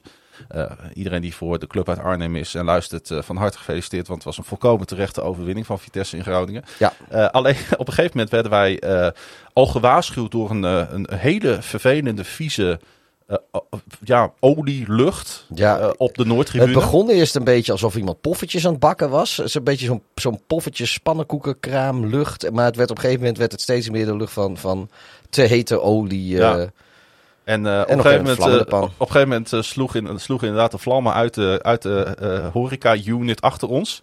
Ook echt recht achter ons. En eh, uiteindelijk is die brand geblust door supporters, heb ik begrepen. Dat is nog wel het meest kwalijke ja, van in ieder alles. geval, ja, er was in ieder geval één supporter die, eh, die had de tegenwoordigheid van geest om, eh, om zichzelf eh, toegang te verschaffen tot Ja. de horeca-unit. Om te vertellen van, nou jongens, dit zijn gewoon van die professionele horeca-frietpannen. Er zit gewoon zo'n metalen deksel bij, die klap je dicht. En dan moet je die ook gewoon dicht laten zitten. En dan gaat het vuur vanzelf een keer weer uit. Ja. Maar volgens mij hebben ze nog zes keer of zo die, heeft die deksel even weer open gedaan om te Ja, kijken of vuur al uit is. echt wel uit Ja, huppatee, ja. nou, daar gaat het En weer. het schijnt ook dat er iemand nog met een brandteken op heeft zitten slaan. Dus, Ja, eh, dat, ja nou zo, zo rook het op een gegeven moment ook wel. Nou, Want dat, nou ja, goed, het was niet al... Maar, nou ja, dat, die luisteraars hebben echt zoiets waar de fuck zitten we naar te nou luisteren, ja, joh? een ander kookincident. Ja, er- ook een, oh ja, wat het, het kookincident. Ja. Maar ik, ik dacht dus eh, dat, het- dat het om cocaïne ging toen je dat zo zei. Maar dat is, is zegt misschien ook meer over mijn referentiekader dan, eh, dan dat het wat zegt over jouw eh, Nee, uitspraak van het woord coke. eh, ja, dat is ook wel weer waar. Eh, maar ik ga, ga er toch even op inzoomen. Want dit, dit vind ik nou interessant, omdat wij eh, de tijd nemen om ieder team natuurlijk te belichten. Vind ik het leuk om eens een keer naar zo'n groep te kijken. Ze hebben vier cornerbacks in totaal. Byron Murphy, Antonio Hamilton dus, eh, Marco Wilson en Christian Matthew. Nou, ik denk, Pieter, dat de gemiddelde NFL-volger die best wel redelijk wat van het spelletje speelt, naar deze cornerback room ki- kijkt en denkt, wie zijn die gasten in vredesnaam? Ja, zoals ik. Ja, maar dat is niet gek. Want dat zegt dus wel wat over hun, eh, hun, hun cornerback room. Eh, eh, Wilson is een zevende ronde rookie van Valdosta State. Had ik nog nooit van gehoord. klinkt heel erg zuidwestelijk. Ja, ik denk iets ergens. Ik dacht ergens in Californië of zo. Ja, het maar- moet, moet als wel Californië of, of, of, of misschien Arizona, New Mexico. En hij gaat dus waarschijnlijk spelen, omdat waarschijnlijk Hamilton niet kan spelen. Wat denk jij eh, wat Patrick Mahomes gaat doen als hij ziet dat eh ene Marco Wilson eh, van Valdosta State de cornerback is bij de Arizona Cardinals? Ik denk dat hij hem wel even gaat uitproberen. Ik denk dat er wel een paar balletjes zijn richting opgaan. Hè? Het zou toch mooi zijn als, als hij om wat voor reden ook meteen de eerste... Meteen interceptie. een bam, pick Ja. six. Inderdaad, maar, Maar dat denk ik niet. ik, moet je, ik heb Wilson gezien in de preseason game tegen de Baltimore Ravens. Eh, ik heb die wedstrijd natuurlijk gekeken. Eh, daar ga je als Cardinals-fan eh, niet, niet blij van worden. Hey, je zou het bijna vergeten, Pieter. Maar natuurlijk loopt J.J. Watt ook nog rond in, ehm, in Glendale. Ja, maar ik vraag Maar mij nu toch echt wel af ja. ja, hoeveel er nog in de tank zit bij ja, natuurlijk de voormalig langdurige Houston Texan die nu 33 is. Hij noteerde vorig jaar één sack in zeven wedstrijden. Ik denk niet dat we nog van een factor kunnen spreken. nee joh. En, eh, en ook al, ook al zou die wel goed zijn, eh, dan sp- speelt hij hooguit de helft van de wedstrijden weer inderdaad. Want dat is Ja. al jarenlang de trend. Hij heeft in de afgelopen zes jaar heeft hij in vier seizoenen minimaal de helft van de wedstrijden gemist. Ja, en dat, dat kun je gewoon dan over zo'n stretch kun je het niet meer negeren. Nee. De best ability is availability. Nee, maar kijk, hij is natuurlijk al, te- al, al jarenlang eh, is die heel injury prone. En het is jammer, want als hij speelt, is het is een sieraad voor de sport. En het is schitterend om te, om te kijken. En het is ook echt een, een topkerel volgens mij. Maar ja, ik, ik, ik, nee, ik, ik denk niet dat, dat, dat, dat nog veel tegenstanders angst, angst in gaat boezemen dat, eh, dat J.J. Watt tegenover ze staat. Ik heb eigenlijk eh, naast het ja, ongekende talent wat, wat eh Kyler Murray in principe is, heb ik maar één eh, echt positief eh, lichtpunt kunnen ontdekken op dit roster. Dat is de running back, dat is James Conner. Vorig jaar eh 18 touchdowns. Heeft bij de Steelers natuurlijk ook fantastische dingen laten zien. Ik denk dat, dat hij samen met Zach Ertz, die vorig jaar uitstekend gespeeld heeft, vind ik, voor de Cardinals. veel beter misschien dan heel veel mensen wel hadden verwacht nog van hem. Dat, dat dat een beetje de lichtpuntjes zijn waar, waar, waar denk ik de fans zich aan kunnen optrekken. En als je dat dan vergelijkt met het skill position talent wat ze in Seattle en in San Francisco hebben, dan hebben de Cardinals echt een probleem. Ja. Ehm, ik heb er geen goed gevoel over, eh, Pieter. Ehm, zonder Hopkins zou de start wel eens heel stroef kunnen worden. Eh, daar komt de speculatie over natuurlijk de baanzekerheid van Cliff Kingsbury. Zeker met de afgelopen twee seizoenen in het hoofd. Want dat, dat, dat, dat kan, men dan ook niet meer achter zich laten. Ehm, en met die, inderdaad die, die opening stretch tegen de Chiefs, de Raiders en de Rams. Potjes in Philly die, die daarna komen. Eh, ja, ehm, ga ik een losing season voor de Cardinals voorspellen? Nou ja, wat ik zeg. eh, Ik geef ze één wedstrijd meer dan Seattle. Chiefs, er zijn zes. Eh, Chiefs, Raiders, Rams eh, gaan ze allemaal verliezen. Carolina moet ik nog zien. Eagles wordt lastig. Seahawks, ja, nou ja, goed. Dat, maar het is ook weer in de divisie, dus dat, dat, dat gaan ze zo. zo- Dat, dat blijft wel lastig. Saints, Vikings, Seahawks, Rams, Niners, Chargers, Patriots, Broncos, Buccaneers, Falcons, Niners. Er zit heel weinig zekerheidje, zekerheidje zitten ertussen. Ja? Zou- Zouden we de, de Falcons zouden we een zekerheidje kunnen noemen? Eh, we zouden een van de twee Seahawks games een zekerheidje kunnen noemen, want zo lijkt het altijd te gaan. Eh, Saints zijn ze denk ik niet kansloos. Patriots misschien. Maar met nadruk op misschien. Ja, eh, Patriots misschien. En, en eh, wat wou ik nog zeggen net? Oh ja, de, de Panthers. eh. Nou goed, laat ik het zo zeggen. Ik heb, eh, ik geef ze er gewoon vijf klaar. ik heb Seattle op zeven overwinningen gezet. En ik zet ook de Cardinals Op op, hoeveel, zeven op, op, op hoeveel heb ik Seattle eigenlijk gezegd? Ik weet, Vijf. Vijf. Oh, dan wil ik dit ook alweer op vijf zetten. Dat is... En wie, gaat dan Nou, dan wie, wie heeft dan het voordeel ten opzichte van de twee, denk je? Nou, weet je, ik geef, ik geef de, de Cardinals 6 dan. Zodat ze niet... moet een beetje, een beetje leuk blijven. Ja, ze wonnen een Super Bowl. Maar uh, het ging niet van een leien dakje voor de Los Angeles Rams. In de divisional round stond het team op instorten tegen de Tampa Bay Buccaneers. Maar, en dat heb ik in de preview over de Buccaneers ook al benoemd, die callden een totaal verkeerde uitgevoerde cover zero blitz. En dus vond Matthew Stafford Cup voor een big play wat de setup was voor een game-winning field goal. Toen Stafford een sure interception naar Jaworski Tart gooide in de championship game, leken de Rams echt in de problemen te zitten. Maar ook dat overleefde LA en dus speelden zij de Super Bowl. En in die Super Bowl ja, ging het weer bijna mis, Pieter. Uh, het was best wel bizar in de playoffs uh, wat, uh, wat de Rams allemaal overwonnen hebben. Ehm, ja, weet je, als de Buccaneers geen domme dingen hadden gedaan, als Start nou die bal niet had gedropt, als Wilson hè, van de Bengals, weet je dat nog, die flag niet tegen had gekregen, ja, dan denk ik dat we nu toch een andere preview hadden gehad. Nou, dat weet ik niet. Want ik denk ook als zelfs als de Super hadden verloren, dan.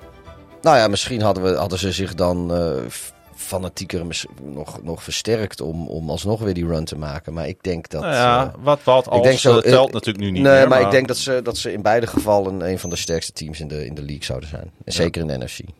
Als we even weggaan bij die Super Bowl en uitzoomen, hebben de Rams uh, ja, een geweldig team. Niet alleen sportief, maar ook mentaal, denk ik. Die, die, de combi en de connectie tussen Stafford en Kap heeft voor ongelooflijk veel succes gezorgd. Um, en ik denk dat uiteindelijk in die winnende drive in die Super Bowl... Uh, dat daar alles in zat. Hè? Ik denk dat dat wat dat betreft zou je dat een franchise-defining drive kunnen noemen. Waar, waar die, weet je nog, die no-look pass van, uh, van Stafford in zat. Ik denk dat we daar echt hebben, hebben gezien dat, wat het absolute plafond van dit team is. Hè? Ja. Nou ja, dus, ja, er zit, er zit gewoon echt heel veel talent. Maar uh, ik vind ook gewoon de, de playcallings aan, aan beide kanten van de bal, weet je, die, die is ook gewoon goed. Ja. En, um, het is wel een heel gelukkig huwelijk wat dat betreft, hè, tussen Stafford en, uh, en McVay. Ja. Um, en het mooie is ook met, weet je, met de defense die ze in, in Los Angeles hebben, is het ook Kijk, Stafford die houdt er wel van om een beetje, een beetje risico zijn spel te leggen. Daarom, hij zal ook altijd zijn hele carrière zal hij wel uh, intercepties blijven gooien. Waarvan je af en toe misschien denkt dat je handen tekort komt uh, om jezelf te facepalmen. Maar ja, dat hoort gewoon een beetje bij zijn spel. En als jij een verdediging hebt die, uh, die of de bal voor je terug kan veroveren. Of de tegenstander op, op maar heel beperkt treinwinst uh, kan houden, zodat jij weer overnieuw kan beginnen met een drive. Ja, dan is dat niet zo'n ramp. En da ik denk dat dat Stafford ook alleen maar beter maakt. Het feit dat hij redelijk vrij uit zijn eigen spel kan spelen, zonder dat hij dus bang hoeft te zijn voor. dat, dat natuurlijk een interceptie kan altijd wedstrijdbepalend zijn, maar ja, ik, dat zal niet meer in zijn achterhoofd zitten. Was in Detroit natuurlijk wel een beetje anders. Het lijkt ja. nu echt af en toe of hij echt, echt los is gekomen. Uh, ze hebben natuurlijk, uh, jij noemt heel terecht uh, die defense met natuurlijk Aaron Donald. Um, ik denk dat hij de boeken in zal gaan als een van de beste defenders in league history. Alleen misschien is het niet van iedereen de favoriete speler alle tijden. Nee, we nee, hebben ja. natuurlijk dit preseason ook weer een voorbeeld gezien. Uh, in, de, in de training die ze ja. samen met Nota Bene, de Cincinnati Bengals hadden. Wie dat heeft bedacht ja. en een uh, en handtekening onder heeft gezet, snap ik nog steeds niet. En wie niet. staat er met twee, uh, twee helmen in de hand in het rond te zwaaien? Ja. Bengals helmets, no less trouwens. Ja. Ja, er, maar ja, ik, volgens mij is het ook, dat ook geen geheim voor de vaste luisteraars van, van deze mooie podcast. Ik, ik, ja, ik vind Aaron Donald niet een hele sympathieke speler. De manier waarop hij uh, tegen. Weet je, hij, hij maakt heel veel uh, overtredingen die volgens mij. En dan zit ik weer met mijn aluminiumfolie hoedje op, terwijl het er veel te warm voor is. Maar, maar ja, overtredingen die, die bij andere spelers wel gecallt worden. Maar hij is natuurlijk een van de. Niet alleen de face of the franchise van de Rams, maar hij is ook een van de gezichten van de NFL. En uh, op de een of andere manier heb, heb, ik dan toch weer het idee dat, dat, dat hij met meer weg kan komen dan, uh, dan, dan andere spelers. Ja. En ja, vooral dat natuurlijk uh, zijn choke move is, is berucht in de league. Dat hij, dat hij tegenstanders bij de keel grijpt. En, en daar dan ook daadwerkelijk knijpt. Ja, dat, Ik, ik hou er niet zo van. Weet je, dat, Nee. hij, hij is dat niet nodig om de beste verdediger in de league te zijn. Net zoals bijvoorbeeld een speler als Sue dat nooit nodig had, maar het ook deed. Nee, maar die is daar uiteindelijk wel een beetje van teruggekomen. Ook. Ja, nou ja, Eh, daar- maar die, maar Die hoop heb ik eigenlijk ook een beetje voor, voor Aaron Maar bij, Donald. bij, bij Sue lag het in. Sue die had altijd van die, van die hersenscheten. dat hij in één keer iemand op zijn hoofd eh, ging staan. of op zijn armen ging staan. En, Nou ja. en, en dat soort dingen deed. Heeft Donald natuurlijk En, eh, op ja. de training ook gedaan. Ja, maar bij Donald. Al weten het- wij niet wat er tegen hem gezegd is Nee, natuurlijk. maar bij Donald zijn het ook gewoon dingen die fundamenteel onderdeel zijn van zijn spel. En Ja. dat vind ik, eh, dat, daar heb ik wat meer. Ja, tuurlijk heb ik ook moeite met, met wat Sue deed. Maar dingen, weet je, een beetje zelfbeheersing, dat is misschien wel makkelijker aan te leren dan nu nog eh, dingen uit jouw speelstijl veranderen. Eh, geweldig onderdeel inderdaad van die fantastische defensie. Met, ik vind persoonlijk, de beste cornerback in de NFL, Jalen Ramsey. Mag ik heel graag Vindt hij eh, zelf ook, kijken. geloof ik. Ja, en daar heeft hij eh, volkomen gelijk in.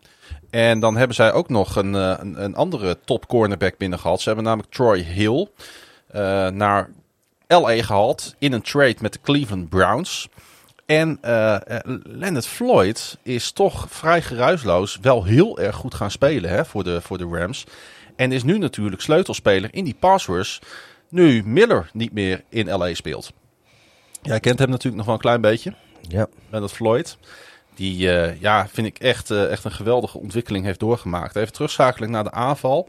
Want ik wou toch even de cijfers van Cooper Kop erbij halen. Ik denk eh, cijfers waar iedereen jaloers op zal zijn. Hij had natuurlijk een monsterseizoen met 178 catches, 2425 yards en 22 touchdowns. Laat dat even inzinken. Eh, en hij ving ook nog eens de game-winning pass in de laatste secondes tegen de Bucks. Scoorde beide touchdowns voor de Rams in de NFC title game. Was verantwoordelijk voor die fourth and one in het vierde kwart van de Super Bowl. En ving ook nog eens de game-winning touchdown in die wedstrijd. ja. Hoeveel meer kan je doen in één seizoen dan Copper Cup heeft gedaan? Cooper. Kop. Cooper Cup. Wat zei ik dan? Copper, Copper Zei Cup. Copper? Copper Cup. Cooper Cup. Cooper Koep. nee, Ehm, nee die, die, kijk nu is dat sowieso is dat een eh, geweldige eh, receiver. Maar hij heeft, ah, ja, het heeft een onwerkelijk seizoen gehad. eh, en zo ook zeker zijn postseason was, was Ja, misschien wel. Ik denk niet dat, dat er een, een receiver ooit een beter postseason heeft gedraaid dan, dan Cooper Cup Nee. afgelopen playoff run heeft gedaan.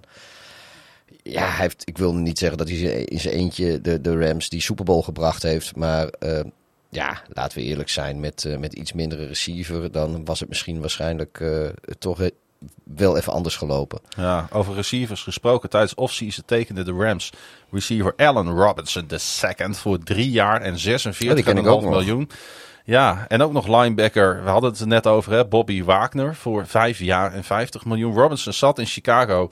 Ja, eh, om maar zo te zeggen, niet op zijn plek. Zijn stats waren vorig jaar natuurlijk ongelooflijk droevig. Maar goed, de supporting cast voor Robinson was natuurlijk ook heel droevig. Nou, kijk, het is, ik, ik moet daar nog wel van zeggen. Kijk, ik, ik snap Robinson ergens ook wel. Maar eh, met zijn talent is er gewoon geen excuus dat, dat hij een. Weet, dat, dat Mooney de betere speler was van hun twee. Eh, Eigenlijk heeft hij er een beetje met de helm hij, naar hij, gegooid, heeft, hij, heeft, hij heeft een beetje met de helm naar gegooid. En aan de ene kant snap ik het wel, want waarom... Kijk, hij heeft het, als je de carrière van Allen Robinson bekijkt, dan heeft hij... eh, Jacksonville en Chicago, hè? ja, als je kijkt wie de quarterbacks zijn geweest die in zijn carrière de ballen naar hem gooiden. En, eh, maar ook inderdaad wat voor, wat voor offenses qua, qua eh, play design en play calling hij eh, onderdeel van uit heeft gemaakt. Ja, dat, dat, ik denk dat hij eh, toen hij zijn handtekening zette in Chicago er heel wat meer van verwacht had. En wij allemaal. Eh, het is natuurlijk wel zo, kijk, hij wordt er betaald om die ballen, eh, om die ballen te vangen. En wij, wij betalen om ernaar te mogen kijken. Dus ik vind nog steeds dat je als fan wat gefrustreerder mag zijn dan een speler. Eh, of tenminste dat mag laten. als dan een speler is zich dat moet laten doorschemeren in zijn spel. Maar tuurlijk, weet je, hij is, nog, hij is nog jong genoeg om nog een paar hele mooie jaren te hebben in de NFL. En dan snap ik wel dat hij in het afgelopen seizoen voor een, voor een team als de Bears niet meer zijn, zijn lichaam op het spel zet. Want je ziet allemaal wat er, eh, wat we weten allemaal wat er kan gebeuren, eh, zomaar in één keer. Ja.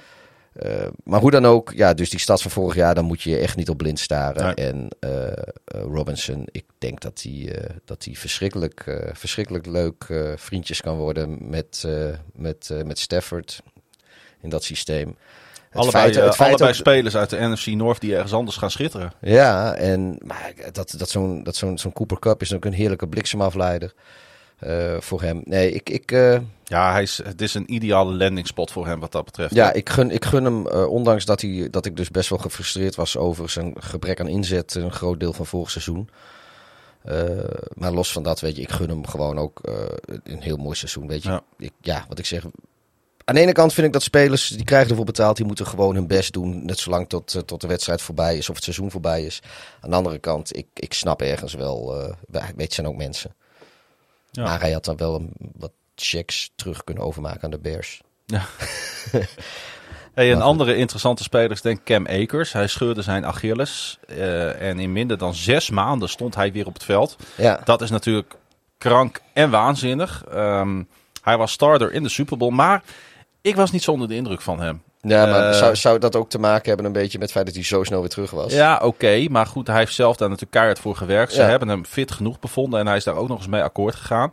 Eh, gemiddeld 2,4 yards op 72 carries na zijn return. En dan ben ik toch heel bang dat dit een van die running backs gaat worden die na een Achillespees blessure niet meer eh, of heel lastig terug gaat keren op het oude niveau. Want dat is toch wat we ja. Ja. in de geschiedenis van de NFL ons toch wel heeft geleerd. Dat specifiek deze blessure voor running backs Ja. echt een heel groot probleem is. Hè? Ik denk nog wel dat, eh, weet je, als, eh, als hij en Henderson de, de, de, beetje de running, running back duties een beetje gaan verdelen. Wat ik denk dat, Dat, ze gaan doen. dan kan Ja. het met Cam nog prima gaan hoor. Dan, weet je, dan, dan heeft hij toch wat minder Ja, belasting. zij moeten die workload nu echt wel gaan verdelen. En ik denk dat ze met Daryl Henderson wel een hele goede, capabele eh, tweede running back hebben in, Oh ja, eh, hoor. in LA. Die, eh, die zou bij heel veel teams ook gewoon de starter zijn. Hey, het lukte de Rams uiteraard niet om iedereen vast te houden. Outside linebacker Von Miller, cornerback Darius Williams, guard Austin Corbett en punter Johnny Hacker zijn denk ik toch wel gevoelige verliezen. En Odell Beckham Jr. is nog unsigned,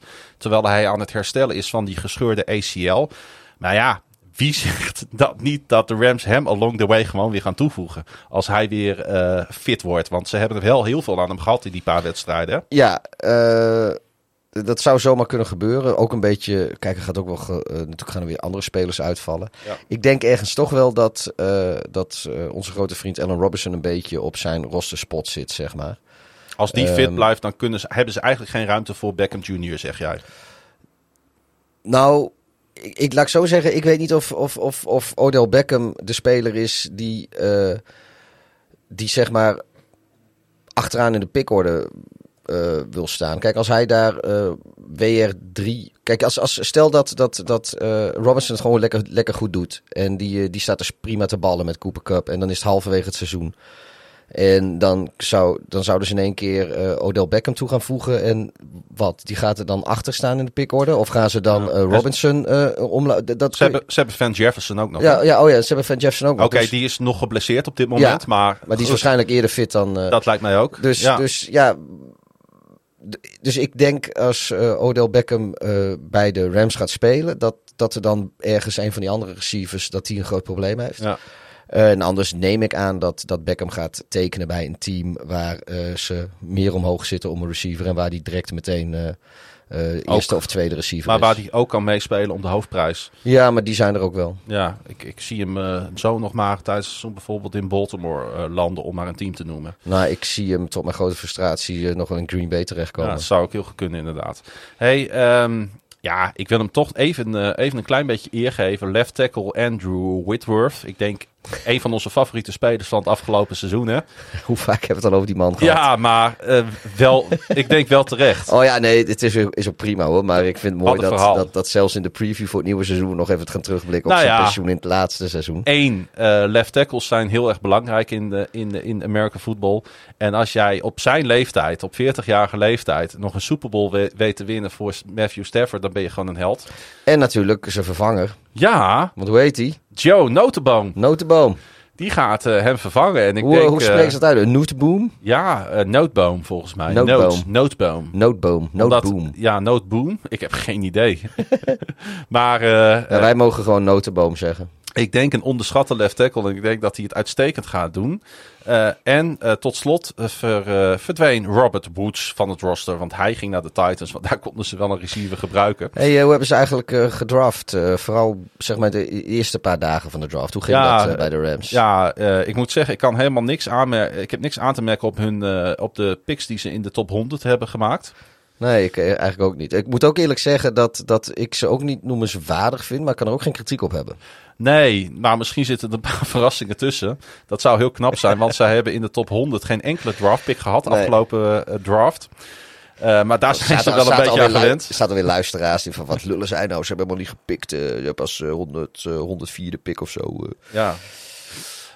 er waren wat zorgen over de elleboog van Matthew Stafford. Ik weet niet of je dat hebt meegekregen, maar die zijn allemaal wel gedownplayed door, door McVeigh. En ik denk dat, dat dat het ook een beetje uh, spijkers op uh, laag water zoeken ja, was. Ik heb ook wel eens uh, dat ik ochtends wakker word en dat ik een beetje last heb van de, van de kleine kromme elleboog is dat vooral. Maar ja. heeft dan te maken met de avond ervoor. Ja, er, er zitten een paar leuke kroegjes. ja, hey, als we het even iets breder nog trekken, Pieter, dan denk ik dat het uiteindelijk in de NFC toch zal gaan tussen de Buccaneers en de Rams. Tuurlijk, er zijn outsiders. Uh, de Packers, de Eagles, de 49ers springen voor mij het meest in het oog. Als je uh, teams achter deze twee teams zou moeten scharen. Ja. Uh, maar dit team is gewoon, ondanks het vertrek van een paar hele belangrijke spelers. Maar weet je, als jij, als jij Von Miller verliest aan de Buffalo Bills. En je hebt Leonard Floyd klaarstaan om als tweede je daar uh, de boel over te nemen. Nou, die, die stond er daarvoor natuurlijk ook al. Ja, oké. Maar ja, Leonard Floyd is, eh, is helemaal niet te spelen om je voor te schamen. Nee. En uh, ja, kijk, we, hebben het er al eens vaker over gehad destijds toen hij van Chicago naar Los Angeles ging. Kijk, het was volgens mij nummer 8, of overal pick of nummer 7, ik weet het niet precies meer. Maar top 10 volgens mij sowieso. Alleen ja, weet je, de, de scheme waarin uh, Chicago uiteindelijk uh, aan het verdedigen was, ja, dat paste niet bij zijn speelstijl. En hij is gewoon getraind naar een team waar, uh, waar, waar hij wel tot zijn recht komt. En, en ja, ik, het is toch geweldig om te zien dat, dat, dat zo'n jongen. zo zie je ook, zeg maar weer, dat, dat wij zijn iedereen, maar zeker wij ook, zijn heel makkelijk om, om spelers te beoordelen op of ze ergens wel of niet goed zijn. Uh, in een bepaald seizoen. Of, of, maar we, betrekken dat heel erg op spelers. Van, nou, hij is geen goede pass rusher. Of hij is niet zo'n goede quarterback. Mm. Of hij is misschien niet zo'n goede O-lineman. Of hij is niet zo'n goede D-lineman. Whatever. En dan heb kom je, er gewoon... Heb je het nou over Danny Shelton? Misschien. maar uh, keer op keer blijkt ook gewoon dat, uh, dat, dat een scheme fit of, of een, of een uh, die, die beter past bij de kwaliteit die de speler heeft. Dat, dat, dat het gewoon van het ene op, op het andere seizoen kan het gewoon een verschil zijn van dag en nacht. Ja. En dan blijkt, blijkt gewoon dat de, eigenlijk alle spelers in de NFL uh, best wel goed zijn in wat ze doen. Ja. En uh, dat, dat, ja, als je, als, je, als je je team op een manier speelt die, eh, die net niet uh, past bij waar jouw sterke punten liggen, ja, dan nou ja, kom je gewoon niet zo goed voor de dag. Daarom zei ik bijvoorbeeld net ook dat Marquise Brown in uh, Glendale opeens wel een hele mooie, goede, fantastische elite receiver kan worden met Kyler Murray achter hem. Het zou kunnen. Ja, maar ik geloof het laten vallen van ballen is niet per se een scheme fit. Dat is wel echt een, een, kwaliteit uh, ja. dingetje. Ja. Nee, maar om, om wel als voorbeeld te geven dat uh, verandering van omgeving kan natuurlijk inderdaad veel doen met, uh, met ja, spelers. Kijk, kijk, kan natuurlijk ook zijn dat zo'n Brown dat, dat hij daar gewoon veel minder druk voelt. Of dat hij en, en dat, of dat dan komt omdat omdat hij de druk daar niet voelt. Of omdat hij misschien gecoacht wordt op een manier die beter bij hem past. Whatever. En nou ja, dan is net als, of de fit met de QB is beter. Ja, ja, en dan is net als met een spits, weet je. Die, die al weet ik hoeveel wedstrijden droog staat. En uiteindelijk gaat hij scoren en dan blijft hij scoren. Ja, en zo werkt dat natuurlijk met dit soort dingen ook. Uh, doe mij zo'n ieder, iedere keer... zo'n spits een keer in Groningen. ja. Die blijft scoren. Ja, dat hebben we net weggedaan. ja, nee, maar, maar ja, als, op een gegeven moment vang je, vang je een bal en dan blijf je alle ballen die naar jouw kant op gooien ook gewoon vangen. Maar totdat je die bal vangt, is iedere keer gaat het zitten toch in je achterhoofd als hij naar je onderweg is van, uh, oh, als ik hem nu maar wel vang, als ik hem nu maar wel vang. Ja, dat gaat misschien wat ten koste van... Uh, van, van je concentratie. Daarom, maar goed, daarom is de beste tactiek uh, tijdens een NFL-wedstrijd is ook echt de volgende play is de volgende play. Ja. En dan laat je, play, ja. en dan laat je alles achter je. Ja. Mentaal, maar goed, dat, ja, maar goed, dat is makkelijk zeggen natuurlijk. Zeker. Maar dat is natuurlijk wel waarop gecoacht wordt. Hey, ja. um, Dit team, de LA Rams, hadden een paar playoff breaks nodig. Maar de Lombardi Trophy ging dus naar de Rams. Ja, en nu ze weten dat ze het kunnen, zijn ze misschien nog wel gevaarlijker. Matthew Stafford is niet langer een quarterback die hele goede cijfers noteerde, maar nooit iets won. En McVay kan de Super Bowl los tegen de Patriots eindelijk achter zich laten. Het team eindigde in de top 8 van Football Outsiders DVOA in offense, defense en special teams. Enige andere team dat, waar dat lukte, dat waren de Dallas Cowboys. Maar in tegenstelling tot de Dallas Cowboys is dit wel een goed gecoacht team. Ja, inderdaad. Ja, ja ik, ik heb nog steeds zo'n hele hoge pet op van McCarthy. Dus, uh... Nee, ik ook niet. Uh, hey, ik heb op de een of andere manier heb ik geen Super Bowl hangover vibes bij dit team. Iets wat ik bijvoorbeeld bij de Bengals wel een beetje heb. Ja, maar meestal hebben we het pas over Super Bowl hangovers als het seizoen al een paar weken oud is, hè? Nee, maar we, we zijn natuurlijk aan het voorspellen. Ja, ja, okay. En ik voorspel dat er geen Super Bowl hangover bij de LA Rams oh, gaat zijn. Nou, hoeveel, hoeveel potjes gaan ze winnen, denk je dan? Ik zet ze op 13 overwinningen. 13 overwinningen. Ik zit te kijken, ze gaan natuurlijk meteen los in eigen huis uh, donderdag tegen de Buffalo Bills. Dus ja. de opening van het seizoen ook meteen. Mochten trouwens mensen belang hebben bij onze voorspelling voor die wedstrijd, dan kunnen ze gaan luisteren naar onze voorspellingspodcast voor week 1. Hè? Ja, moet je wel voor betalen. Ja, die is alleen voor leden via NFL op woensdag.nl. Ja, opdat wij ja, onze, onze vaste banen op kunnen geven om, uh, om jullie gewoon iedere dag van NFL-content te voorzien. Maar ja, dan moeten we nog wel een paar extra leden uh, erbij hebben hoor. Dat, uh, dat is nog niet zomaar gebeurd. Nee. Nee, nee, dus mensen... Niet voor ons uurtarief. Dus mensen wordt lid op nflopwoensdag.nl. En je krijgt iedere week krijg je een unieke voorspellingspodcast op je oortjes. Ja, het is alsof, een beetje alsof een, een, een engeltje tegen je trommelvlies plast. Uh, 13-4 record uh, zet ik neer voor de LA Rams. Ja, oh, ik uh, zit even kijken. Het maakt ook niet eens zoveel uit wat ze tegen de Buffalo Bills doen. Want zelfs bij verlies, dan gaan ze naar de Falcons Cardinals. Dus dat trekt ze alweer recht. ik, ik, weet je, laat ik gewoon gek doen. Ik gooi er gewoon 14 overwinningen. Bij deze. Hey, um, veel tijd besteed aan deze divisie, maar ook vier teams waar ongelooflijk veel speelt. Waar ook uh, veel, uh, veel fans in Nederland voor, uh, voor warm lopen.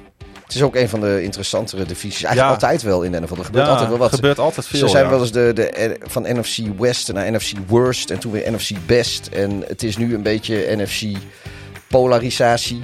Want uh, ja, dit, zit denk ik. Uh... Ah, ik ga. Ik ben met name. Ik, weet je, ik vind LA Rams een fantastisch team. En ik heb alleen maar respect voor wat ze daar als organisatie hebben neergezet. Zeker met dat nieuwe stadion en die Super Bowl win. Noem het allemaal maar op. En de trade voor Matthew Stafford. Maar het team waar ik het meest naar uitkijk is toch uh, San Francisco. Ja, ik ben, daar ben ik echt. Die, die hebben zo'n fantastisch roster staan. Nou ja, maar bij, als, daar, als daar de eerste wedstrijd van San Francisco zit ik voor de buis uh, gekluisterd. Alle vierde kwart gaan kijken. Ja. Uh, in Chicago. Nou ja, dat kan gelijk al een eerste bananenschil worden natuurlijk. Ja, je, ik uh, laat het hopen. Hey, uh, mocht je ons nou willen volgen op de Twitters, want ik denk dat we er af en toe wel eens over wat gaan over twitteren komende weken, komende maanden. dan kan je ons natuurlijk volgen op ons eigen kanaal via NFL op woensdag op Facebook, Instagram en Twitter. En je kan ons persoonlijk volgen via het Klaasje Gun, dubbel A, dubbel S, dubbel N. En via? Uh, apenstaatje Darth Hideous. Op de Twitters. Met een, uh, met een laag streepje tussen de Darth en de Hideous. Uh, we hebben nog één uh, podcastje te gaan. Eén, één, één preview show. Die ja. komt dan net voor de start van het nieuwe seizoen uit. Ja, die gaat uh, misschien wel of niet de openingswedstrijd missen, maar dat maakt niet zoveel uit. Nee, die, ga voor de, die gaan we voor de openingswedstrijd op. Nou ja, er zit er toch, het, is de NFC East volgens mij. Moet ik nog ja, doen. daar zit geen uh, nou, donderdagavond die, die, die tussen. Dus dat zou ook niet zo'n ramp zijn. Nee, dus ik verwijs daarnaar. En natuurlijk naar onze extra podcast die deze week gaat uitkomen voor onze betalende leden op nflopwoensdag.nl. En zeg ik tegen jullie allemaal bedankt voor het luisteren naar seizoen 3, aflevering 14 van NFL op woensdag. Beste maar weer.